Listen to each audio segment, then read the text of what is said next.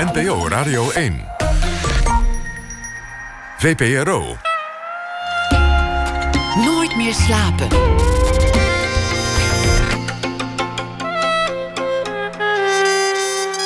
Met Elfie Tromp.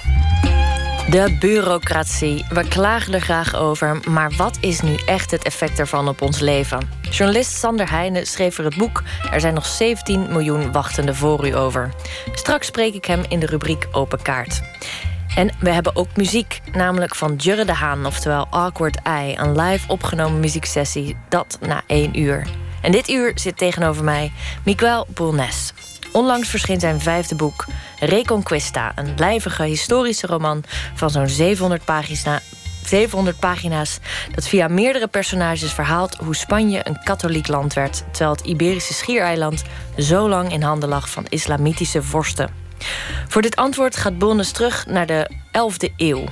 Bonnes houdt zich niet alleen bezig met schrijven, maar is ook nog werkzaam als medisch microbioloog. Miguel, welkom. Dank je, goedenavond. Of goeienacht. ja. Um, als ik het een, uh, een ridderroman noem, doe, doe ik het dan tekort?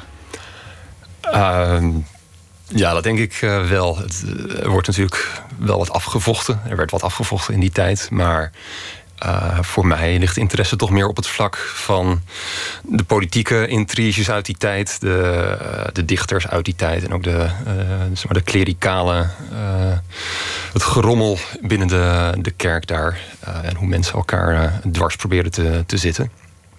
het is wel een middeleeuwse roman. Ja. Wat, wat, wat is jouw fascinatie met die periode?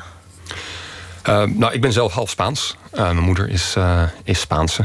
Um, en nou, zo binnen wat, wat ik interessant vind in de, in de Spaanse geschiedenis. Um, vond ik altijd een hele interessante vraag hoe Spanje zeg maar, katholiek is geworden. Het, het Moorse, het, het Arabische, het kalifaat van Cordoba. zijn allemaal dingen die een soort mythische lading hebben in, in Spanje, waar nog met heel veel trots naar wordt. Uh, wordt terugverwezen. Uh, het, het, een, een, rijk wat enorm vooruitstrevend was in uh, uh, cultureel, wetenschappelijk en, en ook militair. Um, dus dat, de vraag waar het vandaan kwam dat het er niet meer was, dat was wat mij fascineerde en waar, nou, redelijk besloot. ik schrijf dan romans om over die tijd een roman te gaan schrijven. Ja. Om dat uit te zoeken. Het, het, is niet het eerste boek uh, uh, wat je schrijft uh, met Spanje, of over Spanje of Spaanse geschiedenis. is het ook een stukje familiegeschiedenis wat je hebt willen schrijven? Nou, wat mijn familie in die tijd deed, dat gaat wel heel ver terug de, de 11e eeuw. dat was voor het vorige boek um, Het bloed in onze aderen. Dat speelt in het jaar 20 van, van de vorige eeuw, ook in Spanje.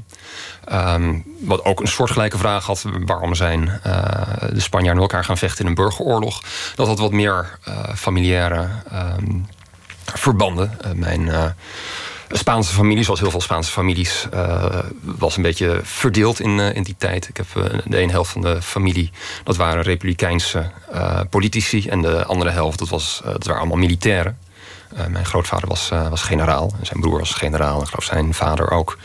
En die zaten aan ja, allebei uh, de kanten van het kamp. Terwijl mijn, mijn linkse republikeinse familie... die, die, die spande daar samen om van het koningshuis af te komen. Dus dat was wel veel persoonlijker... en veel meer op, op mijn eigen familie gericht. Dit, ja, de 11e eeuw. Ik denk niet dat er veel mensen zijn die zich... wiens stamboom nog zo ver terugreikt... Ben je, ben je zelf iemand... Er zitten veel, militairen dan in je familie. Je bent zelf uh, de medische wetenschap ingegaan. Um, maar, maar, was het anders uh, de militaire dienst geweest?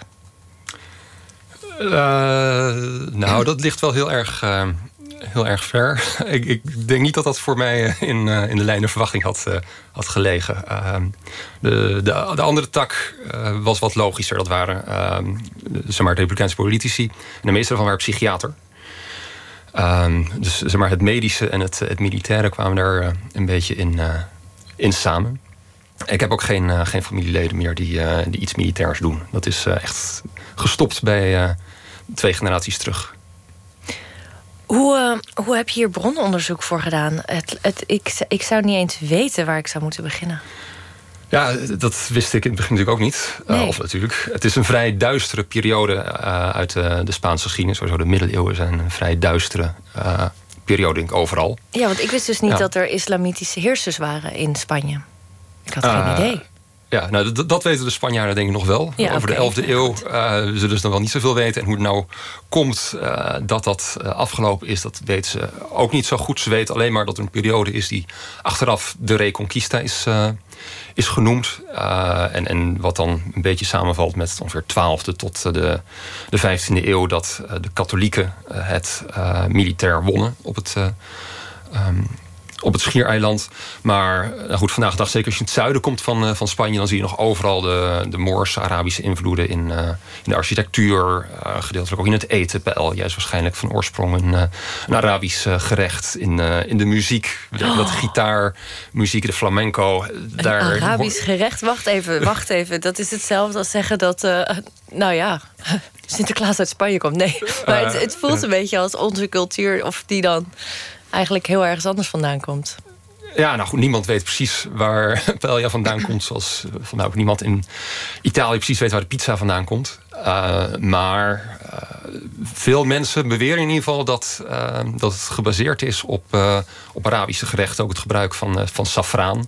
Wat uh, het in ieder geval de, een beetje de karakteristieke smaak geeft. Een beetje de gele kleur van paella. Dat is echt een Arabisch um, ingrediënt. Ja, ingrediënt. Ja, een Arabisch kruid wat, uh, wat meegenomen is. Uh, nou, zeg in de zevende, achtste eeuw door, uh, door de Arabieren en, uh, en de Perzen.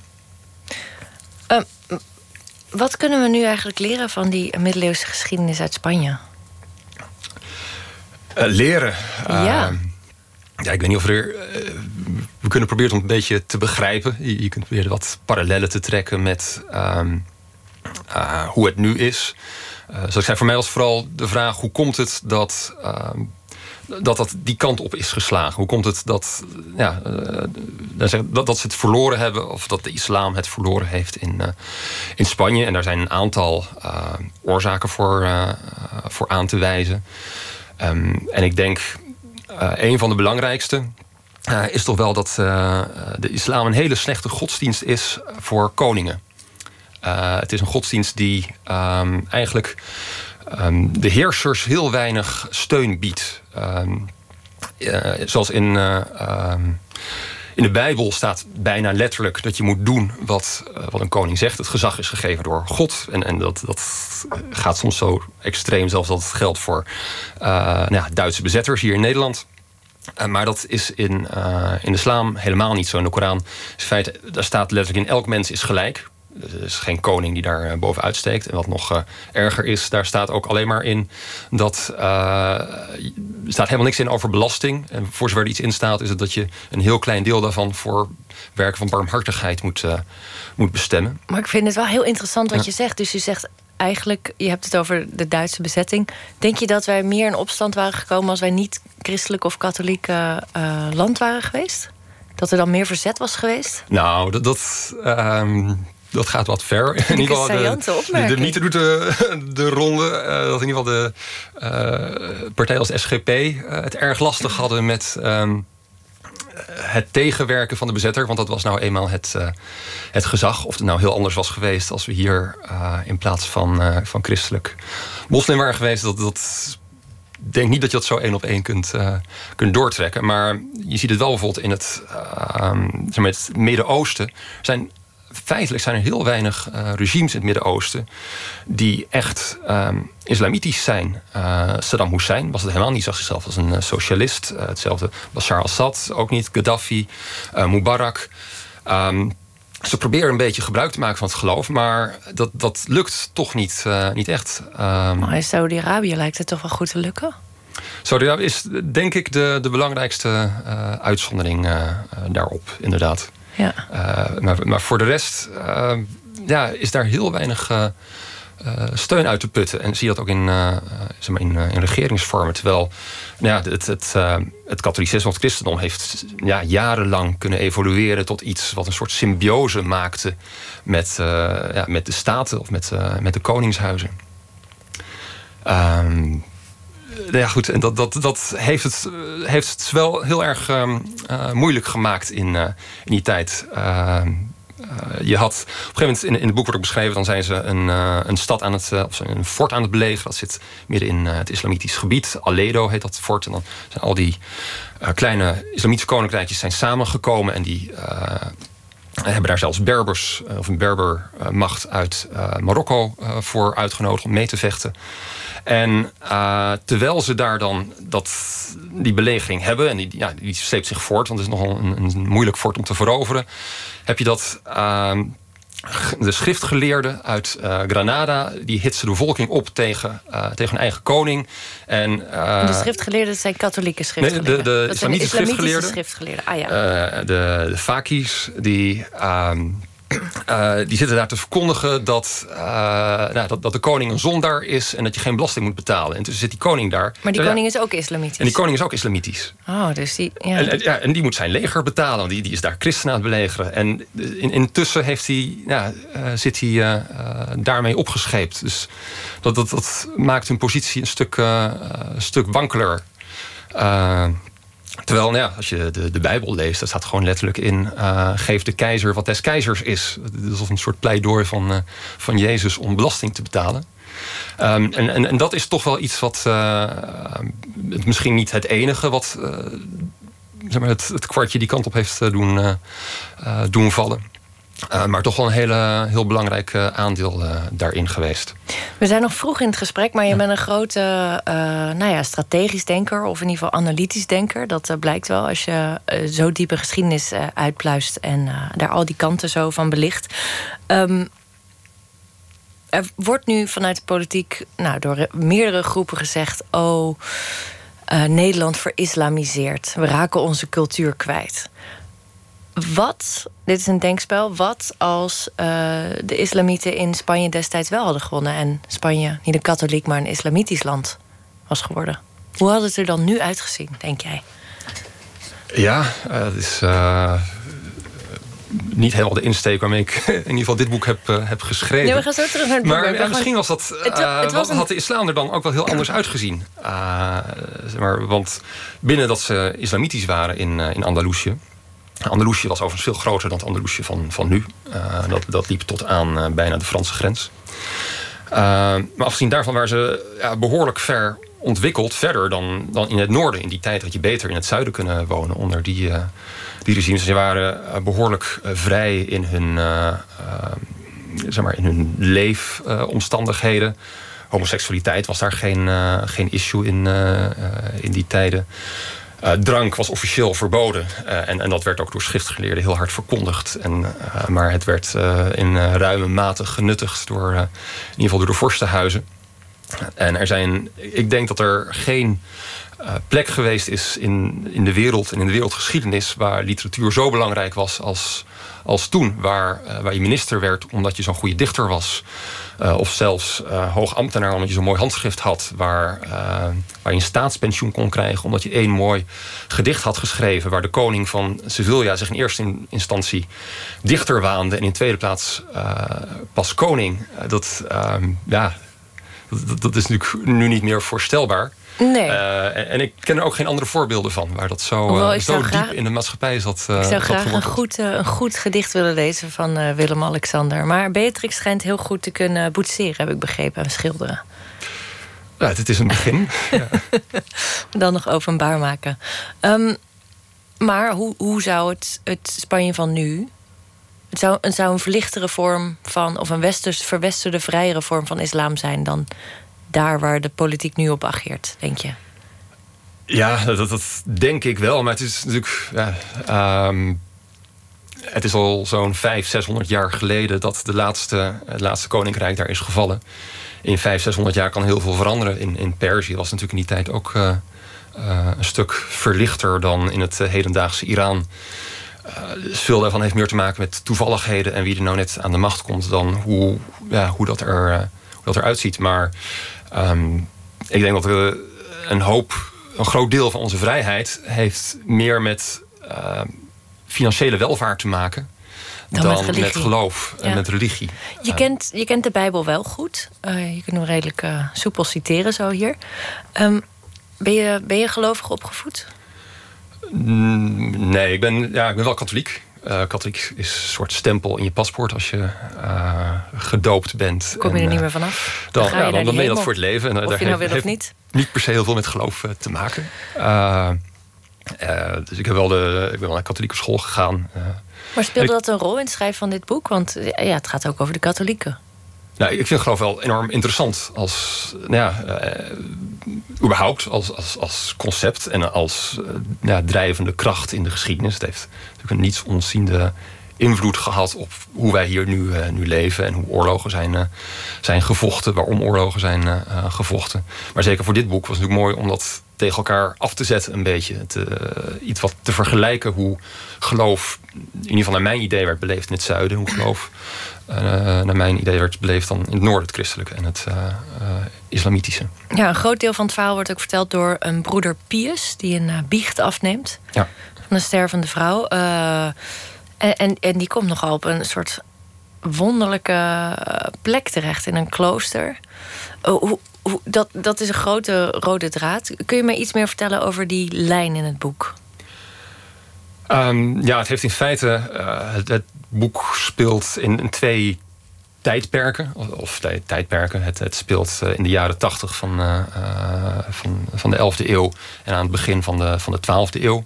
Het, nou, de ene lijn gaat zeg maar, vooruit in de tijd. En de ander ja, grijpt terug op wat er wat ongeveer gebeurd is. dan met deze dame die haar, die haar biecht doet. Ja. Um, en dat speelt zich dan af in een klooster. Wat behoort tot de Cluniense orde. Cluniens is een, een, orde binnen de, de Benedictijnen... die uh, geleid werd vanuit uh, Cluny in, uh, in Frankrijk. Een hele, ja, hoe zou ik het zeggen... activistische groep op dat moment... die een reformatie nastreefde van, van de kerk...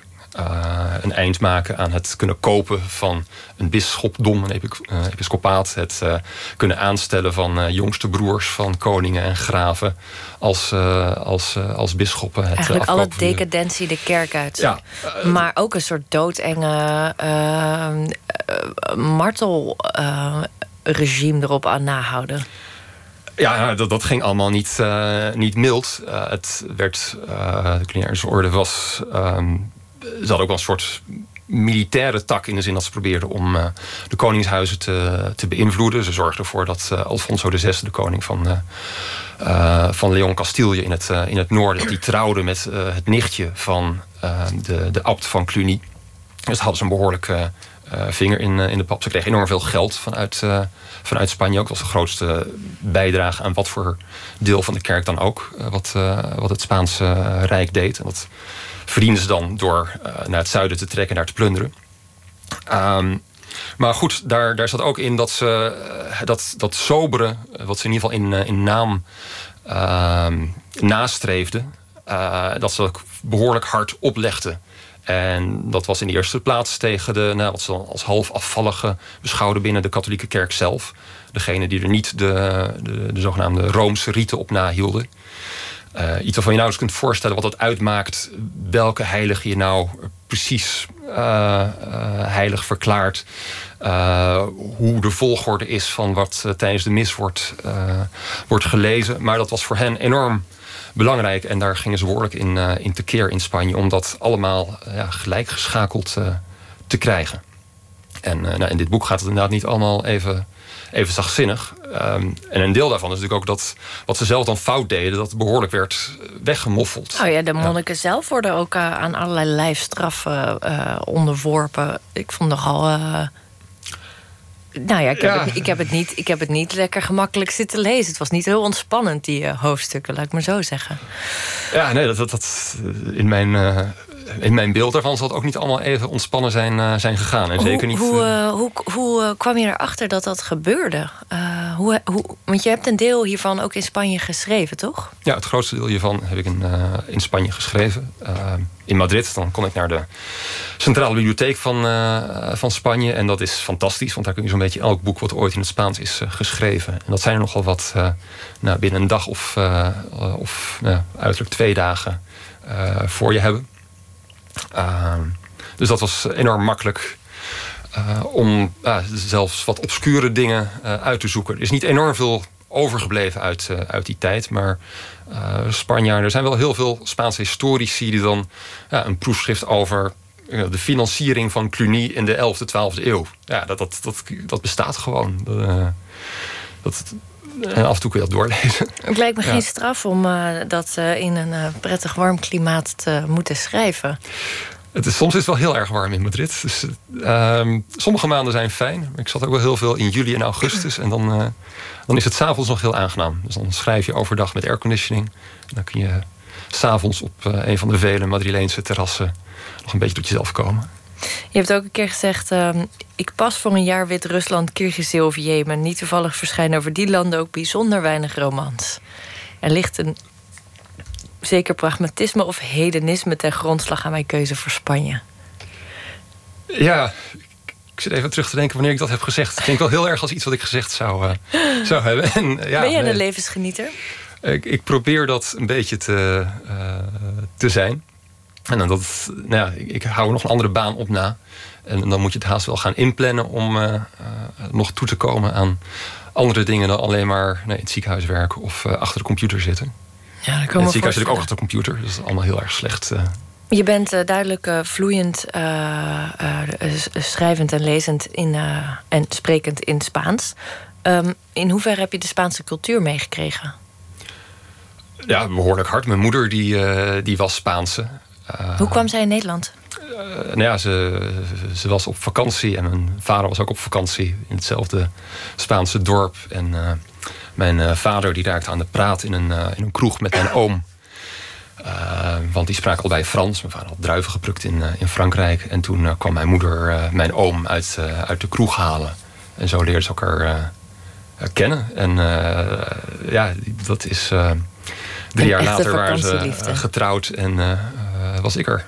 Oh, wauw. Dat is, uh, dat is vlot gegaan. Ja, nou, ja. ja vroeger ging het wat sneller, ja. volgens mij. Maar hoe uh, sprak je moeder alleen Spaans met jou? Werden er ook andere gebruiken bij jullie thuis uh, gehanteerd? Of, hoe mijn moeder sprak alleen maar Spaans met ons.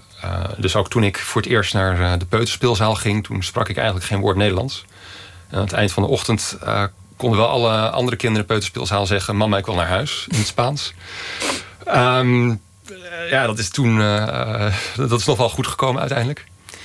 Maar ja, um, hoe zou ik zeggen, in, in, mijn manier van denken uh, en hoe ik tegen de wereld aankijk, ben ik wel heel erg Nederlands. Dat, dat krijg je heel erg van, vanuit je school mee, denk ik. En vanuit je omgeving en je. Wat, en wat je vind jij dan typisch Nederlands denken? Wat, um, ja, het, het hele directe, het, het rationele. Um, het, ja, het is soms wel een beetje moeilijk onder woorden te brengen. Maar uh, ik geef als een voorbeeld dan had ik met een Spaanse vriend afgesproken van ja, we gaan naar de bioscoop. En dan belde ik hem en zei, nou, zullen we naar deze film gaan? Dan zegt hij eerst ja. En, en nadat hij ja heeft gezegd, dan zegt hij ja, nou, misschien moeten we kijken wat er nog meer is. Terwijl een Nederlander zegt van ja, ik weet niet of ik nou zo'n aardige film vind. Is niks anders. En, en, uiteindelijk gaan we dan naar de film die hij wil zien. Um, en, en, maar duurt dat wel veel, um, veel langer. Uh, en nou, Nederland is ook veel egalitairder. Uh, in, in Spanje worden veel langere dagen gemaakt dan bij ons. Om een, voorbeeld te geven. Als je, in ieder geval als je niet voor de overheid werkt. Als je voor de overheid werkt, hoef je daar uh, nou, eigenlijk niet zoveel te doen. Maar als je voor een ja, privébedrijf werkt, dan is het een beetje gangbaar dat je, je, je verlaat je stoel niet totdat de baas weg is. Uh, en, en dat kan wel eens heel erg laat zijn. Want die baas is wel tussen de middag vier uur gaan lunchen. En, en dus dat, uh, dat soort dingen. Uh, dat, wat wij hier niet snappen, waarom blijf je nog op je stoel zitten als die je hiërarchie die uh, dat, dat, daar dat zit daar heel, heel anders in. Het, het hele Spanje is extreem bureaucratisch. Ehm, en voor elk nou, als mijn vader iets wil regelen in Spanje, dan, bij de gemeente, dan, dan wijst hij altijd naar alle stempels die mensen daarvoor zeggen. En zegt, ja, zet die stempel er ook maar op en die stempel ook. Want dan, dan, dan is de hoop dat er nog iets, uh, iets gaat gebeuren. Maar alles verzandt daar in, procedures. Je ziet nu bijvoorbeeld ook met uh, de kwestie in Catalonië. Die is voor ons niet meer interessant. En waarom is dat? Omdat het allemaal is verzand in bureaucratische procedures... over hoe wordt de president van Catalonië aangewezen. En dat, dat, dat, dat zijn allerlei vage loopgraven, oorlogen met juristen die, die we ons hier niet kunnen, kunnen voorstellen. Omdat wij hier, ja, onze rechten zijn toch iets pragmatischer. Die... Maar goed, je somt nu allemaal negatieve eigenschappen van Spanje op. en toch kies je voor je moeders Spaanse meisjesnaam als schrijfnaam. Ja, die is mooi symmetrisch met mijn voornaam. Ehm, dat is dan weer heel rationeel en Hollands ja, bedacht. Dat is, uh, dat is waar. Ekkelenkamp is wel heel erg uh, lang. Uh, overigens, die, die negatieve dingen, niet alles is even negatief. Maar um, nee, er zijn wel de dingen waar je tegenaan loopt en wat je als Nederlander waar je het meest aan stoort. En andersom, als ik in Nederland kom, dan stoor ik me aan als ik met iemand wil afspreken dat ik dat soms drie maanden van tevoren moet doen. Dat is daar net weer iets, iets anders. Daar zijn weer. Um, en dat hier, ja, zeg maar het poldermodel dat wij hier hebben, uh, dat heeft voordelen. Uh, dat heel veel voordelen heeft ook wel nadelen. Dat wij 30 jaar doen over het aanleggen van 4 kilometer snelweg. Uh, daar, ja, omdat ze een Klinkt soort... ook heel bureaucratisch, hè? Ja, op een andere manier wel. Maar dat is dan minder de burger die daarmee in, in, aanraking, in aanraking komt. Of maar, de, je, je eigen omgang met, met de overheid is in Nederland toch net iets soepeler dan, dan daar. Oké, ik ga je toch verleiden tot het kiezen. Zou je jezelf meer Spaans of meer Nederlands uh, noemen? Uh, nee, ik ben wel duidelijk meer Nederlands. Uh, als ik in Spanje zit, dan, dan, dan word ik wat Spaanser na verloop van een, een paar dagen, een week. En dan word ik ook gemoedelijker. Wat ja, wat gebeurt er dan met je? Ehm, Want je werkt nog steeds heel hard, anders had je niet deze roman af kunnen krijgen. Ja, je moet wel een soort discipline opleggen. Maar Spanjaarden werken ook wel heel hard. Ja, uh, alleen zijn ze daar soms iets uh, ja, minder, uh, hoe zou ik het zeggen, minder georganiseerd in of iets minder um, ja, direct in, iets minder praktisch in. Ehm, dus nou, die twee dingen. Voor je dan combineren, lange dagen maken, maar toch die zo productief mogelijk houden. en ja, waar word ik meer Spaans in? in ja, zeg maar, het, het, het leven zelfs in een, een, stad als Madrid, die objectief gezien verschrikkelijk is, met een enorme herrie en drukte en uh, luchtvervuiling, die je soms zelfs ziet hangen als je in de zomer uh, komt aanvliegen met het vliegtuig en dat het weer maand niet heeft geregend. Maar het, het leven is daarop toch op zo'n manier zo ontspannen, zo uh, zeg maar op elkaar gericht. Het is een enorm vriendelijke stad ook. Is het socialer? Socialer dan Amsterdam bijvoorbeeld? Uh, ja, ik kom uit Utrecht, dus ik kan Amsterdam wat moeilijker inschatten. ik denk het wel. is iedereen toch ook hartstikke aardig? Uh, ja, we zijn enorm aardig daar. Je moet een keer langskomen. Maar, um... ik heb er gestudeerd, dus ik weet oh. er alles van. Ja, ja maar uh, het feit dat een... Het is, um, het is waarschijnlijk een van de... Binnen Europa is misschien wel de dichtst bevolkste stad in het centrum. Londen is groter, maar in dat centrum daar woont geen hond. Terwijl in Madrid wonen al die mensen daar in het centrum. Het is toch een soort wil om met elkaar uh, door het leven te gaan. Hoe hard ze soms ook tegen elkaar uh, tekeer gaan. Dat, dat, dat, komt daarna dan altijd weer, uh, weer goed. En ja, voor mij is het een enorm veilige stad. Ik ben nooit bang als ik daar loop. Ook niet drie of vier s'nachts.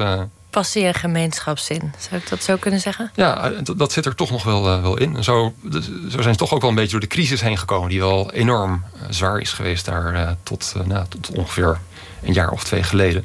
Daar hebben ze ja, wij kijken dan naar Nederland en denken van ze zijn daar ons geld aan het uitgeven. Uh, daar kijken ze van ja, dankzij ons hebben jullie een enorm lage rente in eh, Nederland en betalen we niks op je staatsschuld. En, en wij hebben hier maar te, uh, te lijden terwijl niks wordt afgelost aan wat we uh, onze banken zitten te, voor onze banken zitten te dokken.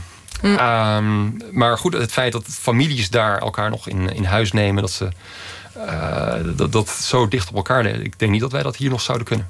Is dat ideaal voor jou? Zou jij je ouders in huis nemen? Misschien het huis ernaast. Heel veilig. Laten we even een muziekje draaien. Um, u zou het nummer Moon River kunnen kennen van de filmklassieker Breakfast at Tiffany's, waarin het werd gezongen door leading lady Audrey Hepburn. Frank Ocean stak het nummer in een geheel nieuw jasje. We gaan luisteren. One, two.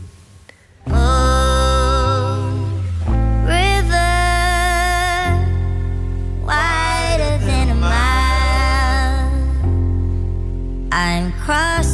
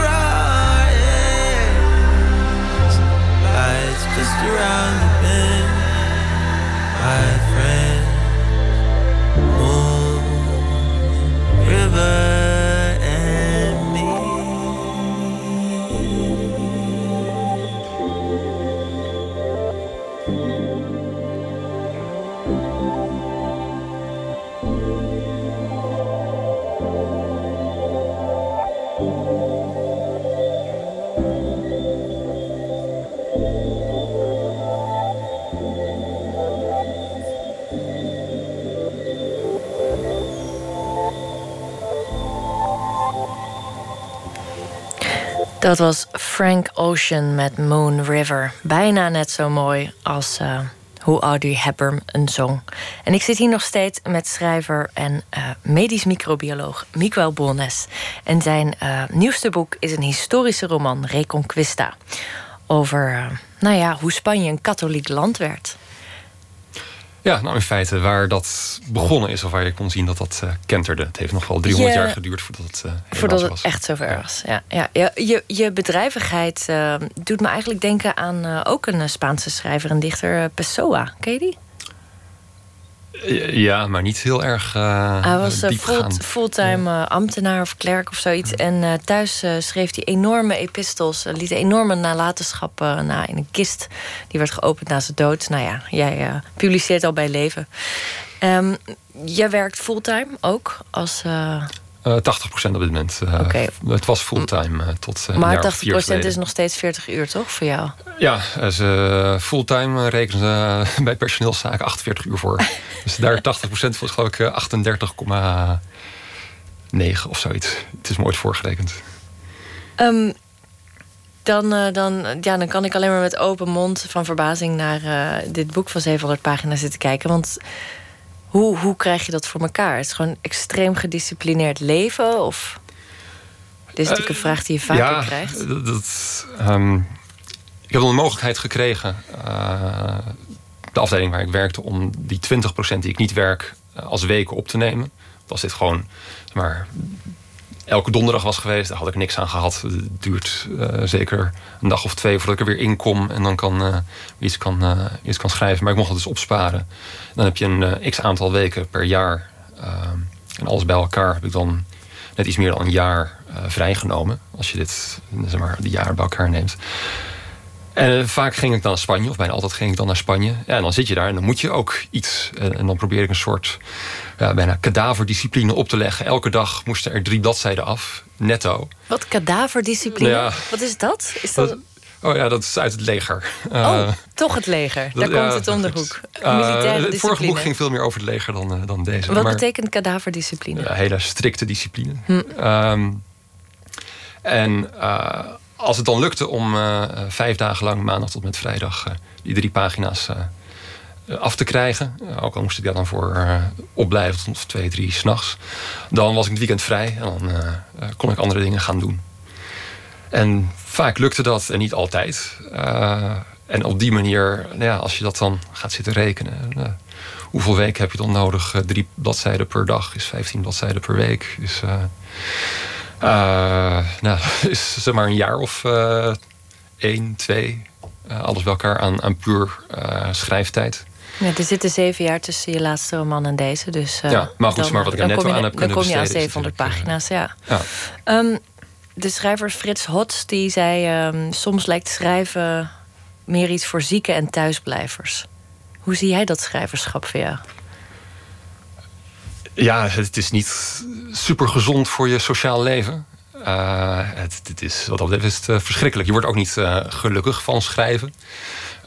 Het is alleen maar mooi als er dan iets af is en je kunt daar een beetje op terugkijken. Maar het proces zelf is, is meestal niet bijzonder aangenaam.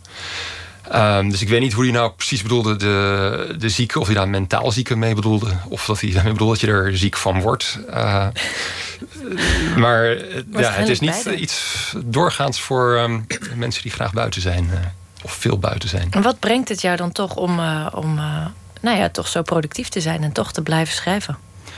Ja, ik heb, altijd, ik heb het altijd al gewild. Ik kan me nog herinneren dat ik twaalf jaar oud was. En ik wilde al een boek schrijven. Uh, ik, ik, las enorm veel in die, uh, in die tijd.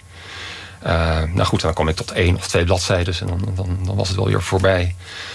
Um, maar goed, op een gegeven moment ben ik dat wat, wat meer gaan doen... tot ik de kans kreeg om iets te, te schrijven. En je maakt toch iets wat helemaal van jezelf is.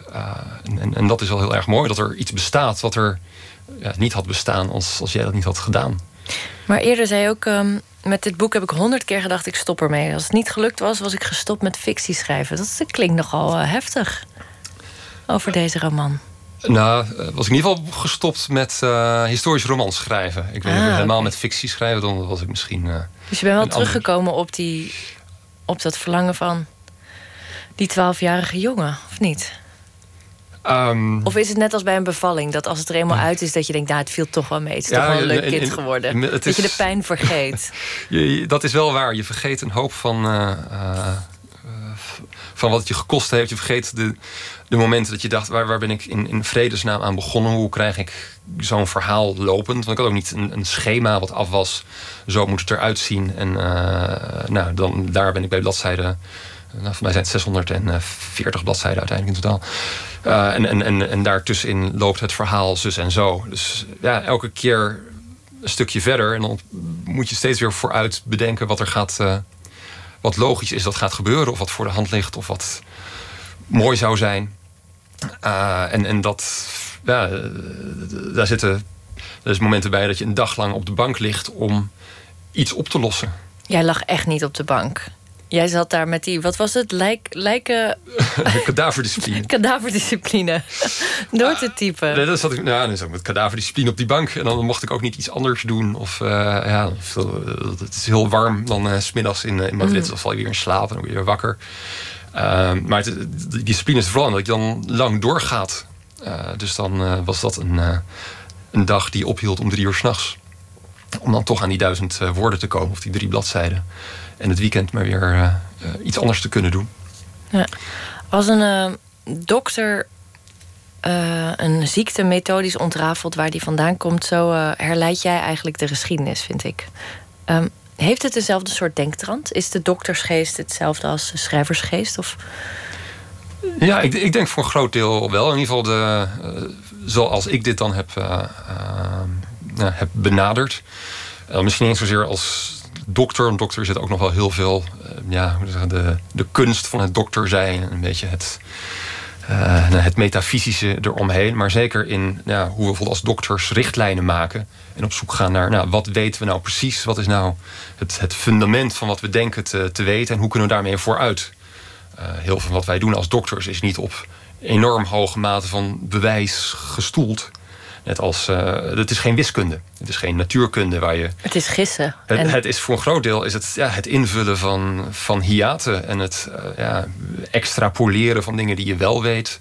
Het, het, maken van een keuze. Wat is dan het meest, uh, het meest aannemelijke? En, en, en dat, zeg maar, dat proces wat ik in meer wetenschappelijke dingen gebruik. als ik in een richtlijncommissie zit of zo.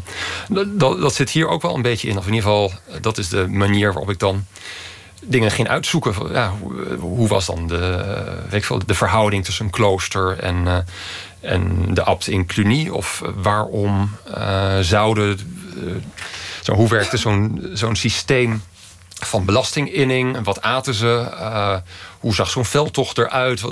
Al dat soort dingen, dat, dat, dat, ja, soms is dat lastig om, is dat heel lastig om te, te, achterhalen. Juist die dingen die voor een roman nodig hebt. Omdat historisch heel graag schrijven over dingen die ze dan hebben. Dus ze gaan uit van wat er is en daar gaan ze dan dingen uit concluderen of bedenken. Terwijl als schrijver is het andersom. Je hebt iets nodig en, en, en dan ga je kijken, wat is er? Dus een dokter heeft in feite eenzelfde soort creativiteit nodig. Een soort van, dezelfde fantasie. Was jij ook een fantasierijk kind? Was dat er altijd al?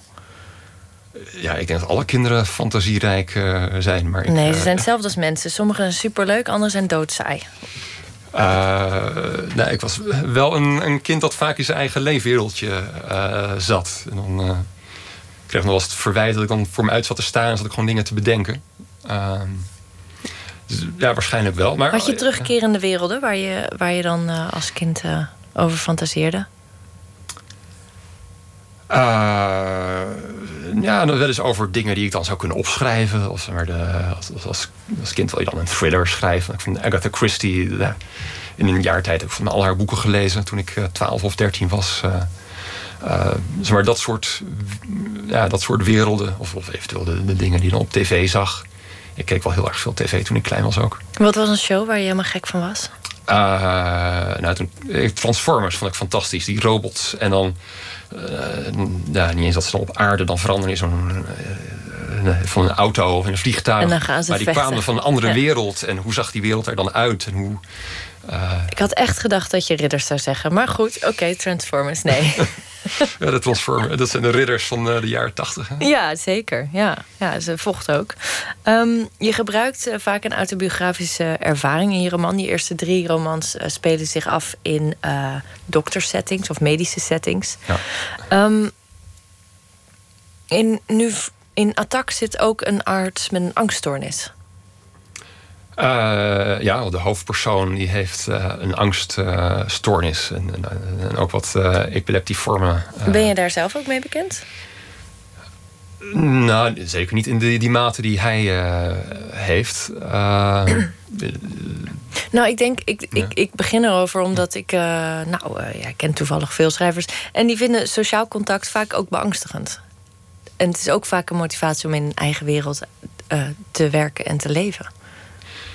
Een roman is ook ja. een, veilig, een veilig baken. Nee, dat, dat, dat, daar zit wel iets, uh, iets in. Uh, ja, ik, ik, was wel een vrij verlegen kind. Uh, maar ook met periodes of zeg maar momenten. Um, daar waar ik me dan wel op mijn gemak voelde, was dat dan weer helemaal niet, helemaal niet zo. Um, en nou, een hoop van wat in ieder geval in Attack die dokter doet, in, in mindere mate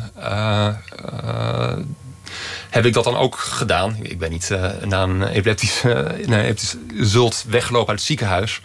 Maar ik behoor wel tot de, de tak van dokters die zichzelf uh, behandelen tot het echt niet meer anders kan. die echt half dood moeten zijn voordat ze, er een, voordat ze de huisarts gaan, gaan bellen. en, ja, dat maar is dat, dan, is dat dan vanuit angst of vanuit een soort eigen wijsheid van ik weet het toch wel beter? Uh, ik denk het meeste het, het tweede toch wel. Dat, uh, ja, je hebt het niet nodig. Als arts heb je ook een. Nou ja, niet allemaal, maar uh, een, een soort beeld dat de zieke mensen, dat zijn andere mensen.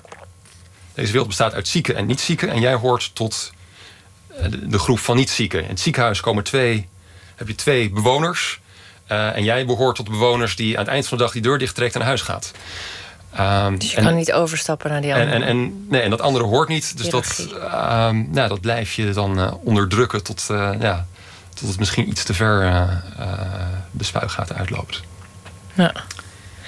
Is dat wel... wel Mogen we het zeggen dat je... Ja, ja, nee, ja, ik zit hier met een hernia. Ja, je zit, dus ja, één en één. Is dat dan ook iets wat je te lang hebt onderdrukt?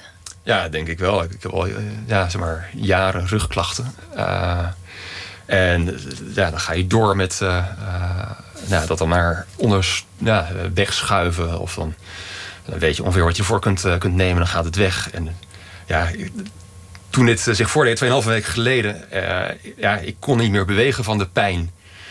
En ja, het duurde twee uur voordat ik in staat was bij de telefoon te komen. Die ik zo stom was geweest om boven op een kast te leggen. En daar kon ik niet bij, want ik lag op de grond. ja, en dan bel je de dokter. Voor het eerst in nou, drie jaar tijd. En, en die benadert je in eerste plaats ook alsof je de gewone patiënt bent die bij de eerste klacht al belt. En, en niet degene die daar al helemaal heel lang mee loopt. Ja. Dan, ja, ik heb mijn vriendin uiteindelijk gebeld en die kwam toen thuis. En uh, ja, die zei, ja, je moet nu naar het ziekenhuis. En dan zei ik, ja, nee, ik moet helemaal niet naar het ziekenhuis. Het ziekenhuis is voor andere mensen. Ik, uh, ik blijf hier, want het ziekenhuis, er gebeuren alleen maar hele slechte dingen.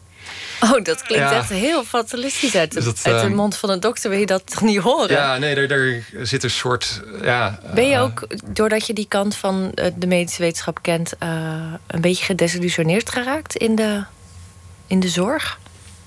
Nou ja, ik ben eigenlijk meer gedesillusioneerd geraakt toen ik een hernia had. En uh, dat me enorm veel moeite heeft gekost om daar een diagnose voor te krijgen. want je hebt allemaal huisartsenstandaarden die zeggen dat nou, rugpijn zolang je niet incontinent bent voor urine, uh, hoeven ze eigenlijk geen scan te maken. Uh, daar komt het kort gezegd op, uh, op neer. En ik wilde toch wel heel graag weten wat ik was. Ik kon me niet voorstellen dat ik dat niet zou willen weten. Dat het toch zoveel moeite kost om, om dat gedaan te krijgen. daar heb ik iets meer desillusie in zitten dan zo mijn dagelijks werk. Wat ik ja, toch wel heel mooi vind. En waar ik ja, zie hoe hele nare dingen toch nog wel uh, opgelost kunnen, kunnen worden. Maar ja, je, je, leert de beperkingen kennen van, uh, van de geneeskunde als je er uh, lang in zit. Dus het is ook je verwachtingspatroon is anders misschien dan van mensen die, die series kijken over ziekenhuizen. En, en daarin zien hoe vooral, het, vooral de mooie kant die daar naar voren komt. En niet ja, de patiënt waar je echt niks voor kunt doen. Ja, Dr. Dreamy uit Grey's Anatomy. Ja, ja dat is een hele bizarre serie. Uh,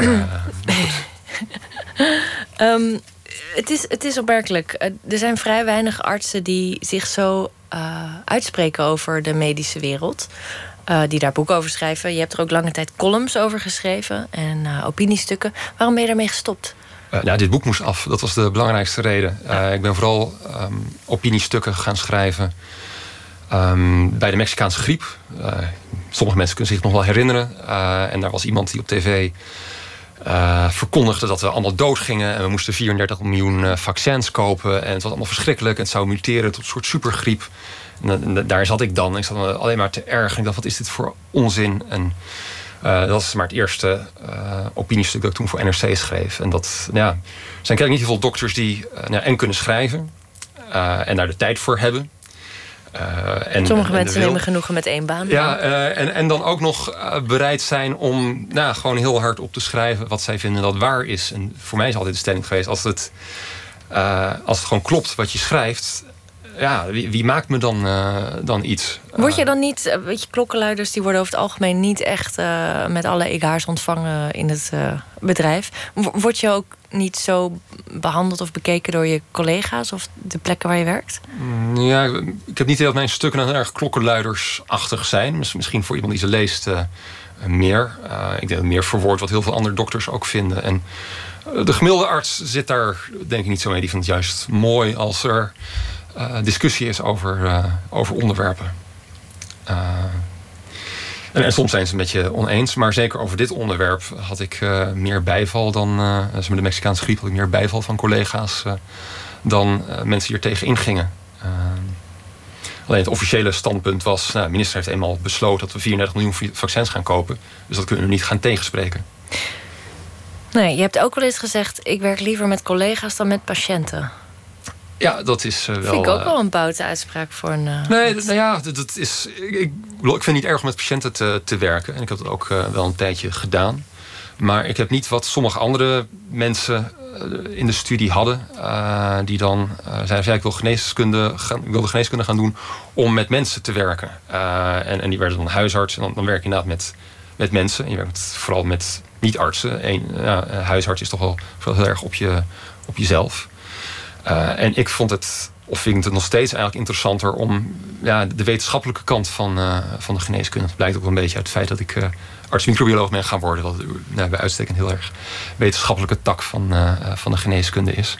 Maar ik vind het aardig om met collega's te werken. Ik ben niet helemaal dan autistisch. Dat, dat, dat gaat dan wel goed. Oh, dus niet omdat ze dan met ja. mekkerende mensen met terugklachten hoeft te Ja, ja dat is eigenlijk verschrikkelijk om iemand als mezelf op het spreekuur uh, te hebben. Dat, dat moet niet, uh, niet makkelijk zijn. Uh. Ah, je bent wel heel erg hard voor jezelf hoor. Even terug naar het boek. Je hebt ook Arabische poëzie vanuit het Spaans naar het Nederlands vertaald voor deze roman. En dat zijn over het algemeen hele volle, romantische teksten. Lees je zelf ook poëzie? nou, ik heb vooral heel veel poëzie uit die tijd gelezen voor, voor dit boek. Um, ik heb niet een enorme berg aan dichtbundels uh, thuis, maar ik heb er wel, uh, wel wat. En ik vind dat, ja, eigenlijk in al mijn boeken zit wel een heel klein beetje poëzie, op zijn minst. Oh ja? Uh, ja, soms is maar één, één gedicht, en soms ook niet helemaal serieus bedoeld. Ehm, maar ja, nee, ik, ik, ik hou daar wel, wel van binnen de, de beperking. Ik ga niet een, een middag met een poëziebundel zitten.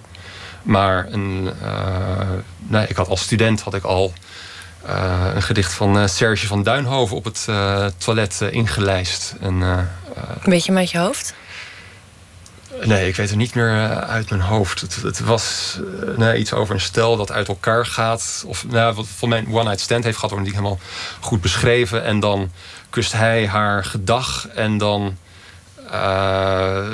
heeft hij het over de zeg maar, haar ingehouden woede die als een soort van slang tussen zijn benen door naar buiten kronkelt. Uh, uh, en wat deed, uh, wat deed dat gedicht met je dat je het ging uitknippen en ophangen? Inlijsten zelfs. Ja, nou, het zit, het, ik heb nog steeds in een, in een, achter een vitrine in, in de kamer waar ik in Nederland schrijf. Ja, ik, ik, vond de, de, taal die hij erin had, vond ik zo mooi. Het, was ook, het kwam uit het blad Rails. Dat werd toen gratis verspreid in, uh, in, de, in de treinen. Heel mooi uh, luxe tijdschrift. Ja, uh, en, en, en, daar hadden ze dan voor een bepaalde editie hadden ze dan vijf gedichten. Een vormgever was daarop losgegaan. En dat, dat, dat geheel, uh, deze vond ik heel mooi. Dus die rails meegestolen. En, en dat had ik toen, toen ingelijst. Um, dat is heel iets anders dan de poëzie in Reconquista. Veel... dat, nou, ik, weet ik niet. Dat, dat, dat ene gedicht. Uh, sommige dingen daarvan. Uh, zul je misschien nog wel in die tijd hebben aange, aangetroffen. Maar goed, het, het missen, mooie van. Ja. Missen we die romantiek in de Nederlandse poëzie? Of mis jij die romantiek in de Nederlandse poëzie? Nou, weet ik Ik vind mezelf niet uh, de geëigende persoon om daar uh, antwoord op te geven. Jij bent dichteres, over... ik denk dat, ik dat moet jij, jij antwoorden. Ik geloof dat jij overal een mening op hebt. Dus uh, je denkt overal in ieder geval over na. Dus, Ja, nee, ik... Um, maar ik vind het ook... ik heb over dingen een mening, maar dan moet ik me wel in hebben verdiept. fair enough, fair enough.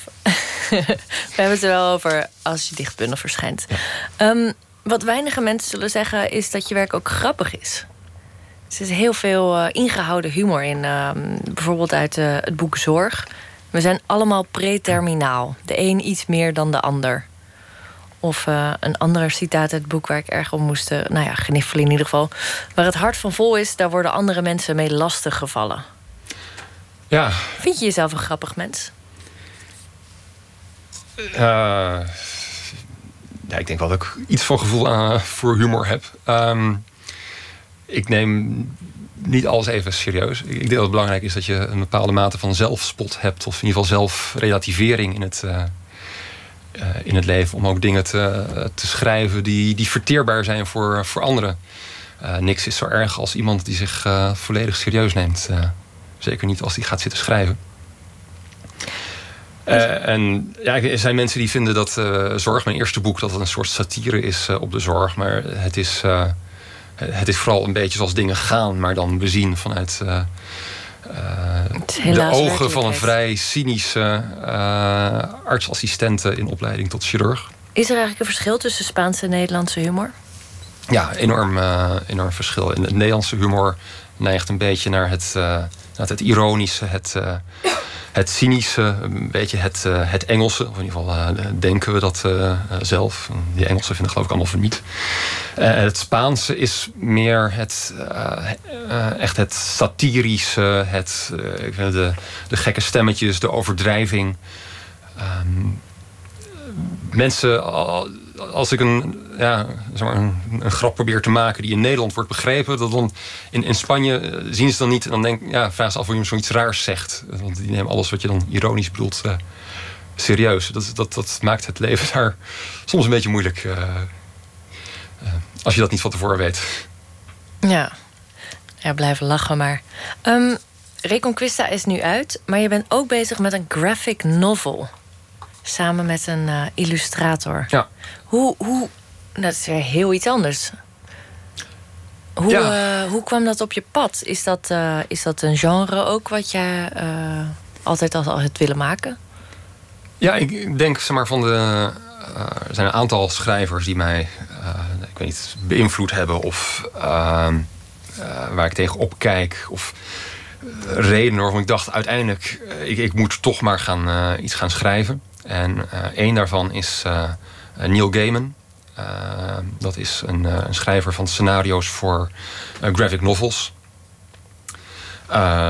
en met name zijn, heeft een serie heet The Sandman. Een, serie vol mythologie.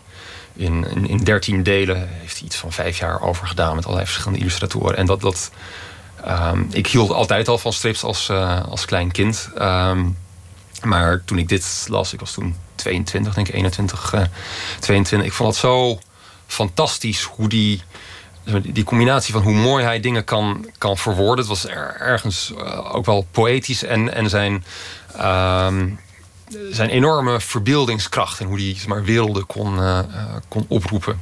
Eh, en, en, en zoiets, zeg maar, dat, dat medium, dat, dat is toch zo, vond ik zo mooi. Ik wil daar een keer iets mee, mee doen. Het is redelijk marginaal nog in Nederland. Uh, echt iets voor. Wil je het ook naar een groot publiek brengen? Uh, ja, dat gaat mij in mijn eentje niet, uh, niet lukken. Ik zou het heel mooi vinden als het lukt om het, om het af te maken. de hoop is dat het over een jaar klaar zou moeten, moeten zijn. Het scenario is af en het is helemaal geschetst. Maar goed, er, er gaat nog wel wat tijd zitten in het daadwerkelijk uitwerken van zulke illustraties. Uh, als dat uitkomt en er is minimale aandacht voor, dan, dan zou ik dat al, uh, al, al heel erg mooi vinden.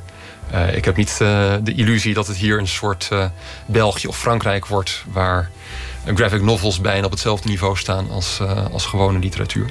Nou, wie weet. Elke, elke graphic novel is weer een stap in de goede richting. Ja.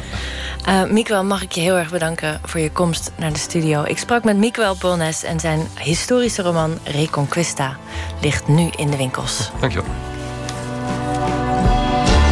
Op Radio 1, het nieuws van alle kanten.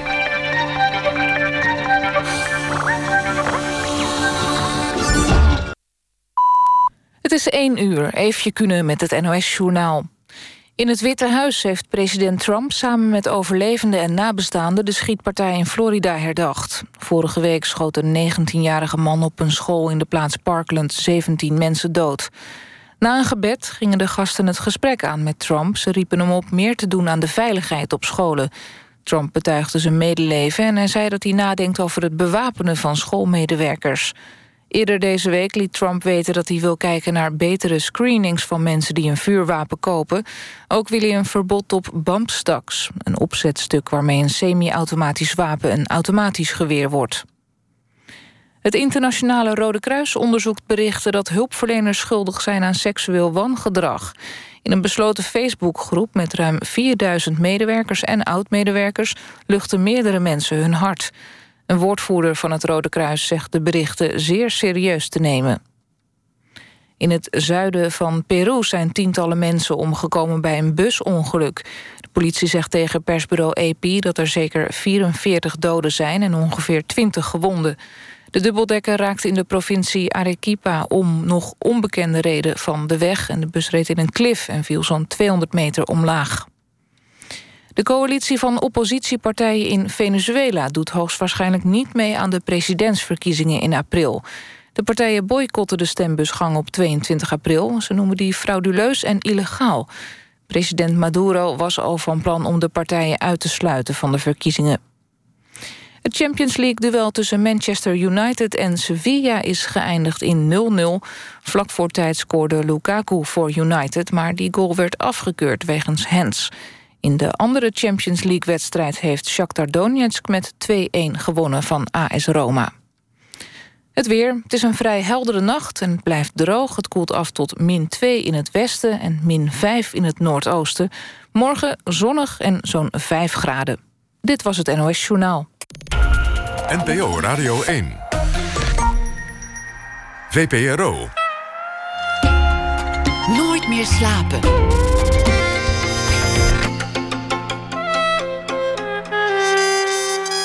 Met Elfie Tromp. Welkom terug bij Nooit meer slapen. Sander Heijnen is onderzoeksjournalist en bracht deze week zijn boek Er zijn nog 17 miljoen wachtende voor u uit bij de correspondent. Straks beantwoordt hij vragen over leven en werk in de rubriek Open Kaart. En we hebben ook muziek. Awkward Eye werd speciaal voor Nooit meer slapen opgenomen in platenzaak Velvet Music op de Rozengracht in Amsterdam. Maar we beginnen met een beschouwing bij het nieuws van de voorbije dag. Deze week opgetekend door Alma Matthijssen. Afgelopen najaar verscheen haar derde roman Vergeet de meisjes, waarin twee vrouwen besluiten zich aan de wereld te ontrekken. Goedenacht, Alma. Goedenacht. Hi, ben je inmiddels terug van je uh, weekend uh, in Ja. wandelsferen? Ja, ik ben weer was het terug toch? in de stad. Ja, klopt, klopt. Het was heel fijn, maar eh, nu weer goed aan het werk in, eh, in Amsterdam. Goed zo. Hoe eh, was je dag vandaag? Ja, ik was veel aan het schrijven en eigenlijk heb ik getreurd om een rouwadvertentie. En dit keer gelukkig niet voor een mens, maar voor een woord. En, en wat dat dan precies maar is, ik denk dat ik gewoon moet beginnen met lezen, als je het goed vindt. Ik ben reuze benieuwd. Een vrouw die ik ken rouwt om het overlijden van een woord. Ze plaatste zelfs een rouwadvertentie in de Volkskrant. In memoriam stond erboven. Fiebeke Massini is kunstenares en trekt het leed van verdwenen woorden zich aan. Ik probeer te leven van het schrijven. Woorden zijn mijn productiemateriaal en toch geef ik er lang niet zoveel om als zij. Voorovergebogen, boven de dikke vandalen, treurde zij om de plotselinge verdwijning van het woord doodsreutel. Omdat ik me niet langer tot het woordenboek kan richten, moet ik het internet op, om achter de betekenis te komen. Op de site ziekenverzorgende.nl word ik eerst gewaarschuwd dat de tekst door jongeren als schokkend kan worden ervaren. Er volgt een lange lijst van voortekenen van de dood. Van lijkvlekken tot overmatige transpiratie en onvoorziene ejaculatie. Hoe langer ik lees, hoe meer ik ril. En dan zie ik het woord plotseling staan. Doodsreutel. Soms hoopt slijm zich op in de mond, keel en longen van de patiënt en veroorzaakt de langstromende lucht een rochelend geluid. De stervende ondervindt hier geen hinder van. Het volstaat zijn hoofd in zijligging te brengen om de, om de luchtwegen zoveel mogelijk vrij te maken. De taal is sec. En misschien is het ook niet nodig om meer dan sec te zijn bij een woord als doodsreutel, waarin zoveel verborgen ligt. De klank die het voortbrengt ligt al in de letters verborgen als een onomatopee, een aankondiging van de dood. Ooit moest de dag aanbreken dat de doodsreutel zijn eigen einde aankondigde. En het klinkt net zo angstaanjagend. Wist jij echt niet wat het woord doodsreutel betekende? Nee, ik heb dat echt nog nooit eerder gehoord. Dus het is En echt letterlijk op sterven na dood, dat woord. Die uh, rouwadvertentie Nou ja, was niet voor niks. Blijkbaar is het ook niet zo raar, want het is verdwenen eh, uit de, de editie in 2015. Dus ja, nee, het, ik, ik had het echt nog nooit eerder gehoord. Maar toen ja, ik er dus opkwam door eh, dit, dit project... Uh, toen ben ik met mensen gaan praten van, ik weet jullie wat dit woord betekent? En, en veel mensen die, ja, die echt uh, bij, ja, sterven in de buurt hebben gehad, die vertelden dat ze soms ook wel werden gewaarschuwd in het ziekenhuis. Van het kan gebeuren dat, uh, dat er nog een soort ja, vrij angstaanjagend geluid ja, naar voren zou kunnen komen. Uh, dus, dus dokters die praten er wel echt nog over. Maar ik denk ja, dat het verdwijnen van dit soort woorden is eigenlijk zo zonde... omdat je daardoor ook weer slechter over de dood kunt praten. Is, dus, is, ja. Dat, is, ja, is, dat, een, is dat een taboe? Uh... Heb, Ik denk het wel. ik, vind, ik vind doodsreutel toch een beetje drollig klinken ook, gek genoeg. Ja, het is, die, het is keutel, hè. Het is dat reutel. Maar eh, dat, het, dat zit er inderdaad in. Maar ja, toch, toch die, die- dat, dat rollende geluid, dat voor mij het klinkt, het klinkt ook inderdaad als een soort roggel. Dus het is ergens zit er ook een soort grappige lading in. Maar ja, het, het, het geluid zelf is, lijkt mij natuurlijk ontzettend eng om, eh, om te horen. Zeker. Heb jij zelf eigenlijk een lievelingswoord? Eh, een lievelingswoord. Nou, ik zat wel te denken aan andere woorden die ook verdwenen zijn. En toen moest ik denken aan, aan het zomerzotje. Dat, dat vind ik toch ook wel een heel lief woord. Ik weet niet of je weet wat dat... eh, Nee, eh, die ken ik dan weer niet. Dus ja, nou dat, dat zijn planten die, die al vroeg in het voorjaar bloeien. Dus sneeuwklokjes of krokussen. Daar, daar moet je dan aan denken. Dat vind ik dan zo lief, dat, dat zomerzotje. Alsof die soort van verlangt naar de zomer, maar er toch nog niet meer is... en daar een soort grapje mee uithaalt. ja, met de opwarming van de aarde moeten we daar wel rekening mee houden... dat er eigenlijk steeds meer zomerzotjes moeten komen dan. Nou, laten we het hopen. Dat zou mooi zijn. Alma, mag ik je bedanken voor je bijdrage vanavond. Ja, en we spreken je gedaan. morgen weer. Ja, tot morgen. Steven Malkmus kennen we als de leadzanger van de Amerikaanse band Pavement. Maar ook als soloartiest timmert hij aan de weg. Begeleid door de Jigs is dit Middle America.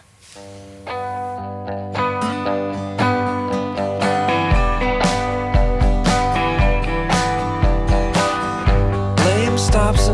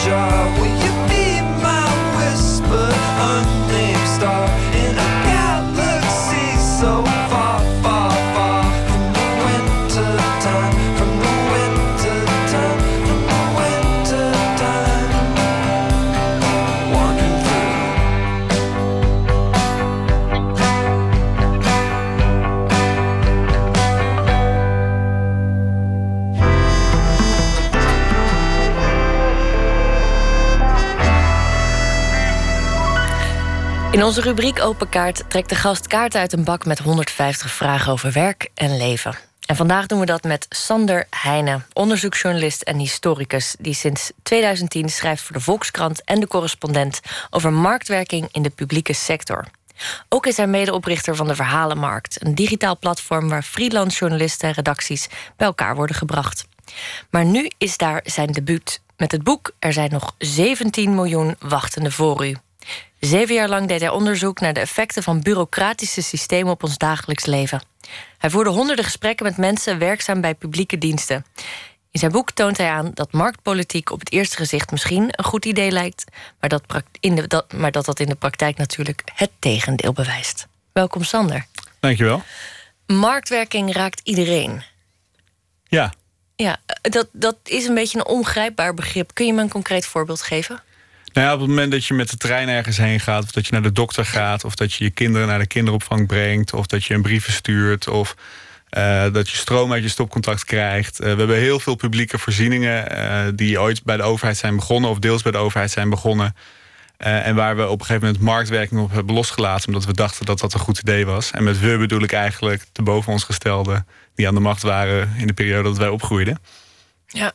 En dus we, hebben, we zijn allemaal afhankelijk van diensten die, uh, ja, waar marktwerking op van toepassing is.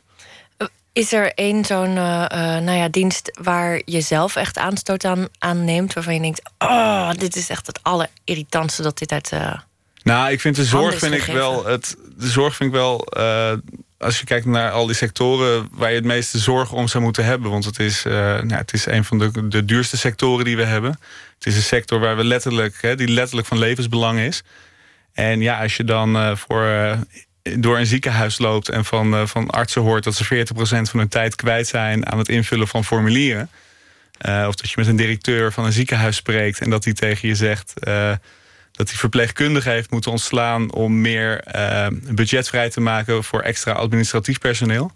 En dat hij dat administratieve personeel nodig heeft om te kunnen verantwoorden aan de zorgverzekeraar.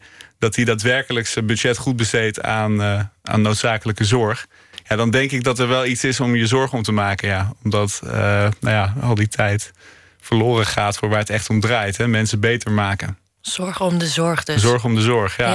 ja um, nou, is het een gigantisch onderwerp. Uh, je bent er zeven jaar mee bezig geweest. Waar, waar ben je begonnen met die zoektocht? Nou, ik, het is wel grappig, want die vraag wordt mij heel vaak gesteld. En laat ik vooropstellen dat ik nooit heb bedacht van laat ik eerst me gaan verdiepen in marktwerking in de publieke sector. Want dat leek mij zelf natuurlijk ook een. Uh, ja, het, het, leek me ook een oerzaai onderwerp. Maar het begon voor mij met. Ehm, heel simpel. Ik uh, kwam bij de Volkskrant te werken en ik uh, kon daar een contract krijgen, maar wel met de portefeuille transport. En ik kan er nu wel open over zijn dat ik dat nou ja, niet mijn droomportefeuille was. Het, je werd een beetje in de, ma in de maag gesplitst. Ja, je bent een jong verslaggever, je bent ambitieus. Dus dan, oké, okay, nou ja, als dat, dat dan is, dan is dat het. En toen ben ik uh, uh, maar gewoon begonnen. En in het begin had ik geen idee nou, over treinen schrijven of over auto's schrijven. Maar op een gegeven moment begon het te sneeuwen. Ja, en binnen no time stond het hele spoor vast. En ik kreeg de taak om uit te zoeken waar dat nou, waar dat nou aan lag. En nou ja, lang verhaal kort, hè, want de, de, de verklaringen van sneeuw valt in de wissels en daardoor kunnen treinen niet verder rijden. Dat is natuurlijk logisch, maar waarom krijgen we dat dan niet makkelijk opgelost? En nou, stukje bij beetje ben ik eh, gaan rondvragen op de werkvloer bij NS en bij ProRail. En dan kom je er toch achter dat, ja, dat er binnen die twee bedrijven zo'n andere visie zit op hoe je, hoe je dat spoor moet regelen. En die twee bedrijven die zijn, het was ooit één, maar die zijn gesplitst. En um, nou ja, dan kom je erachter dus dat, dat zoiets simpels als, als de spoorwegen, hè, dat, dat, dat dat gewoon toch deels vast kan lopen op, ja, op, op een politiek idee namelijk marktwerking, dat het goed zou zijn voor het spoor. En het zou efficiënter worden, maar het is uiteindelijk bureaucratischer geworden. Uh, je roept mensen in je boek op uh, om een vuist te maken tegen verdergaande marktwerking. Ja. Zou je jezelf ook uh, als activist omschrijven? Nou, dat vind ik wel een goede vraag. Want ik heb, um, ik ben altijd, ik, ik, ben echt uit de Volkskrant dus probeer als journalist zo objectief mogelijk het werk te doen. En zo ben ik ook echt onbevangen dat onderwerp ingegaan. Maar ja, als je zeven jaar over een onderwerp schrijft... je ziet de hele tijd moet je dingen beschrijven die mis zijn gegaan. En ja, raakt jou ook in je dagelijks leven. En het raakt mij ook in mijn dagelijks leven. Dus ik ben natuurlijk ook gewoon een burger van dit land. Ja, op een gegeven moment heb je gewoon een mening over onderwerpen. En uh, ik heb ervoor gekozen in dit boek om mijn mening dan ook maar gewoon uh, duidelijk zichtbaar te maken. Dus in die zin zou je dit wel activistische journalistiek kunnen noemen, zeker. Want ik denk, er is heel veel misgegaan. Maar ik ben toch hoopvol ook voor de toekomst. Ik ben best optimistisch dat we het. Er is niks stuk gegaan dat we niet weer kunnen maken. Als je, uh, als je, als je een beetje uitzoomt. En ik denk dat uh, als wij mensen kunnen mobiliseren om zelf met oplossingen te komen, en dan bedoel ik vooral mensen op werkvloeren, dus, dus dokters die zelf gaan nadenken van hoe zouden we die zorg nou beter kunnen organiseren. Want zij zien elke dag waar de, waar de schoen wringt. dus ze hebben een veel beter idee uh, hoe, je het zou hoe je het zou kunnen organiseren dan, dan managers of politici die er veel verder vanaf staan.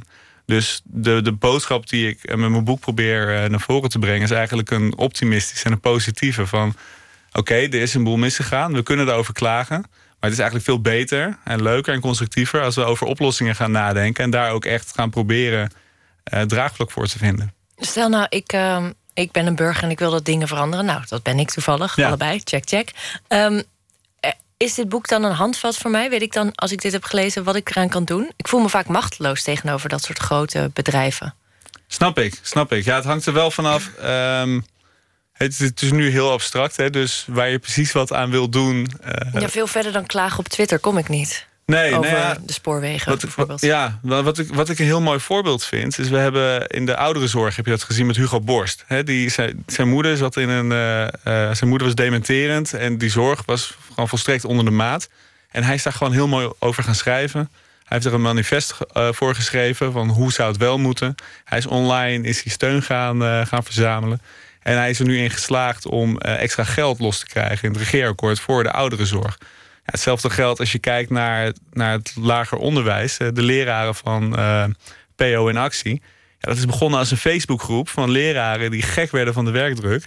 En vonden dat die salariering toch ook wel heel laag is. En ja, als je ziet wat die salariering is, dan denk ik ook dat ze een punt hebben. Maar die zijn met een Facebookgroepje begonnen en die hebben nu 44.000 leerkrachten achter zich. En die zitten gewoon aan tafel uh, om uh, te praten over oplossingen. En die hebben daadwerkelijk nu deals gesloten over hoe je die werkdruk uh, weg kan krijgen. Of omlaag kan krijgen. En ik denk dat zij ook heel lang gedacht hebben van... we gaan gewoon klagen op Facebook of Twitter met elkaar. Maar zij hebben een stap verder gemaakt in hun denken. En van wat zou nou de oplossing zijn? En ja, je kan gewoon de wereld veranderen... op het moment dat je genoeg medestanders vindt. En ja, Twitter of Facebook zijn er natuurlijk perfect voor. Mooi. Um, het is tijd voor de doos. Kijk. Dus je mag hem openen. En daar uh, ja, mag je er een uit kiezen. Welk woord zeg je te veel? Nou, ik zou zeggen marktwerking. ben je er ook nu helemaal klaar mee? Je hebt er nu een boek over geschreven. Zeven jaar lang heeft het uh, je leven beheerst. Denk je nu ook echt, nou, nu ga ik over vogels schrijven... of iets, heel iets anders. Ik ga op tap dansen of nou, op tapdansen heb ik nog niet bedacht. Ehm, maar nou, ik moet wel zeggen, kijk, ik zie het boek wel... Uh, nou, sluitstuk is een groot woord, want ik ga voorlopig nog wel even door met het onderwerp. Maar het is wel... Ik, heb, ik, ik vat nu mijn zeven jaar werk, probeer ik uh, samen te vatten in, hè, uh, in dit boek. Hè. Nou, ik, heb, ik heb zoveel gezien. Ik denk dat er parallellen zijn te trekken tussen die sectoren. Waarom marktwerking toch heel vaak misgaat ik vind het ook wel goed om te zeggen dat het niet altijd misgaat. Hè? Dus soms gaat het ook goed. Dus het is ook niet, we hoeven niet per se per definitie tegen te zijn. Maar we moeten gewoon heel goed kijken waar werkt het wel en waar werkt het niet. En ja, nu dat boekje er ligt, nu heb ik iets om te laten zien... dit heb ik de afgelopen zeven jaar gedaan. En wat de toekomst brengt, dat, uh, ja, dat, dat zien we wel. Dat, ik heb daar nog niet een heel vastomlijnd idee over. Behalve dat ik binnen de journalistiek met Verhalenmarkt... met mijn platform probeer een probleem waar freelance journalisten tegenaan lopen op te lossen. Dus eigenlijk vanuit het activisme ook. Ook die markt staat redelijk onder druk. Totaal, ja. Ja, en dat uh, raakt jou helemaal. Ja, ik verdien mijn geld in die markt. Dus dat is op zich uh, is dat, uh, raakt dat mij. Tegelijkertijd um, denk ik ook dat, dat in, de, in de journalistiek... Kijk, dat is, ja, het is een beetje een ander soort sector dan, dan de zorg. Hè? Want ik, ik denk dat journalistiek zich prima leent voor, voor de markt en voor marktwerking.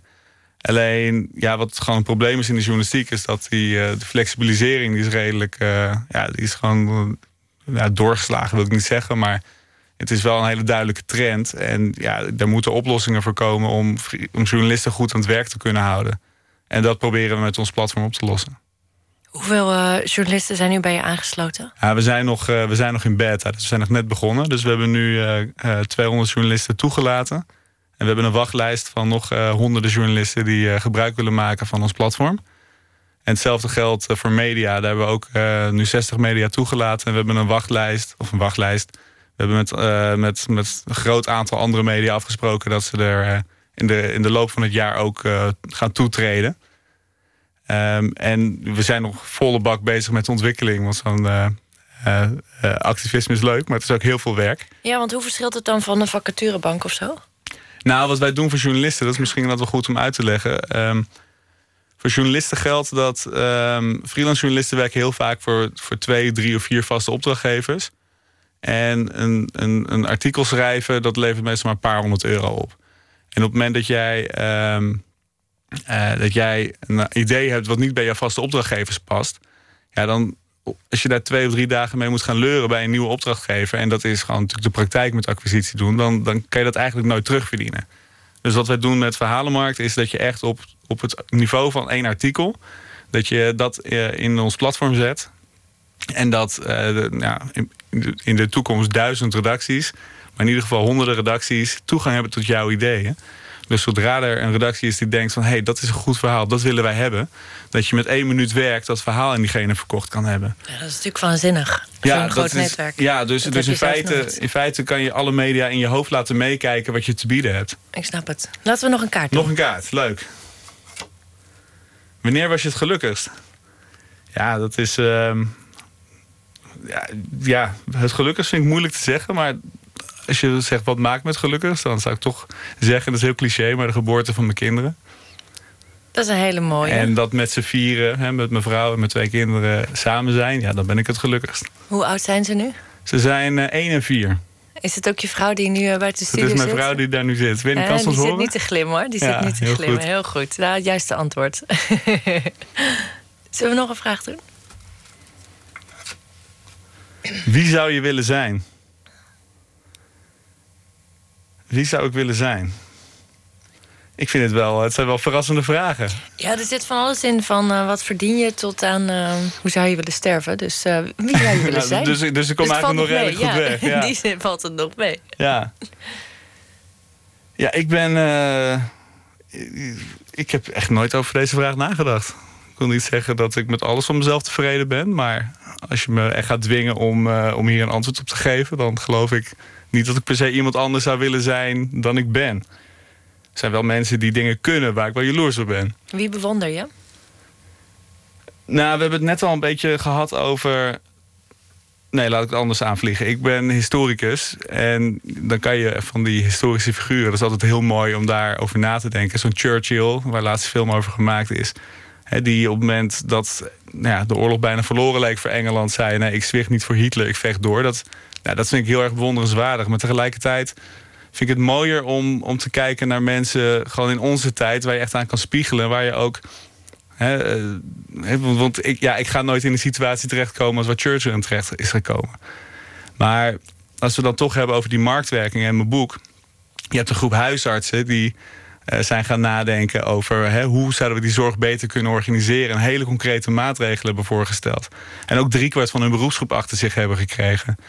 En nu gewoon aan tafel zitten, ook op het ministerie... om dat daadwerkelijk de goede kant op te krijgen voor hen. Ja, dat, vind ik, dat bewonder ik. Want die, die zijn voorbij het niveau van klagen... Zijn ze, uh, hebben ze gezegd van wij gaan gewoon iets doen. En, en dat, ja, dat soort mensen, daar heb ik gewoon een hele grote bewondering voor. En gelukkig zijn er daar veel van. Ik kan me voorstellen dat dat ook een uh, inspiratiebron was voor de verhalenmarkt. Klopt, ja. Ja, tegelijkertijd moet even goed nadenken of ik hen al in het vizier had toen met Verhalenmarkt, eh, toen we met Verhalenmarkt begonnen.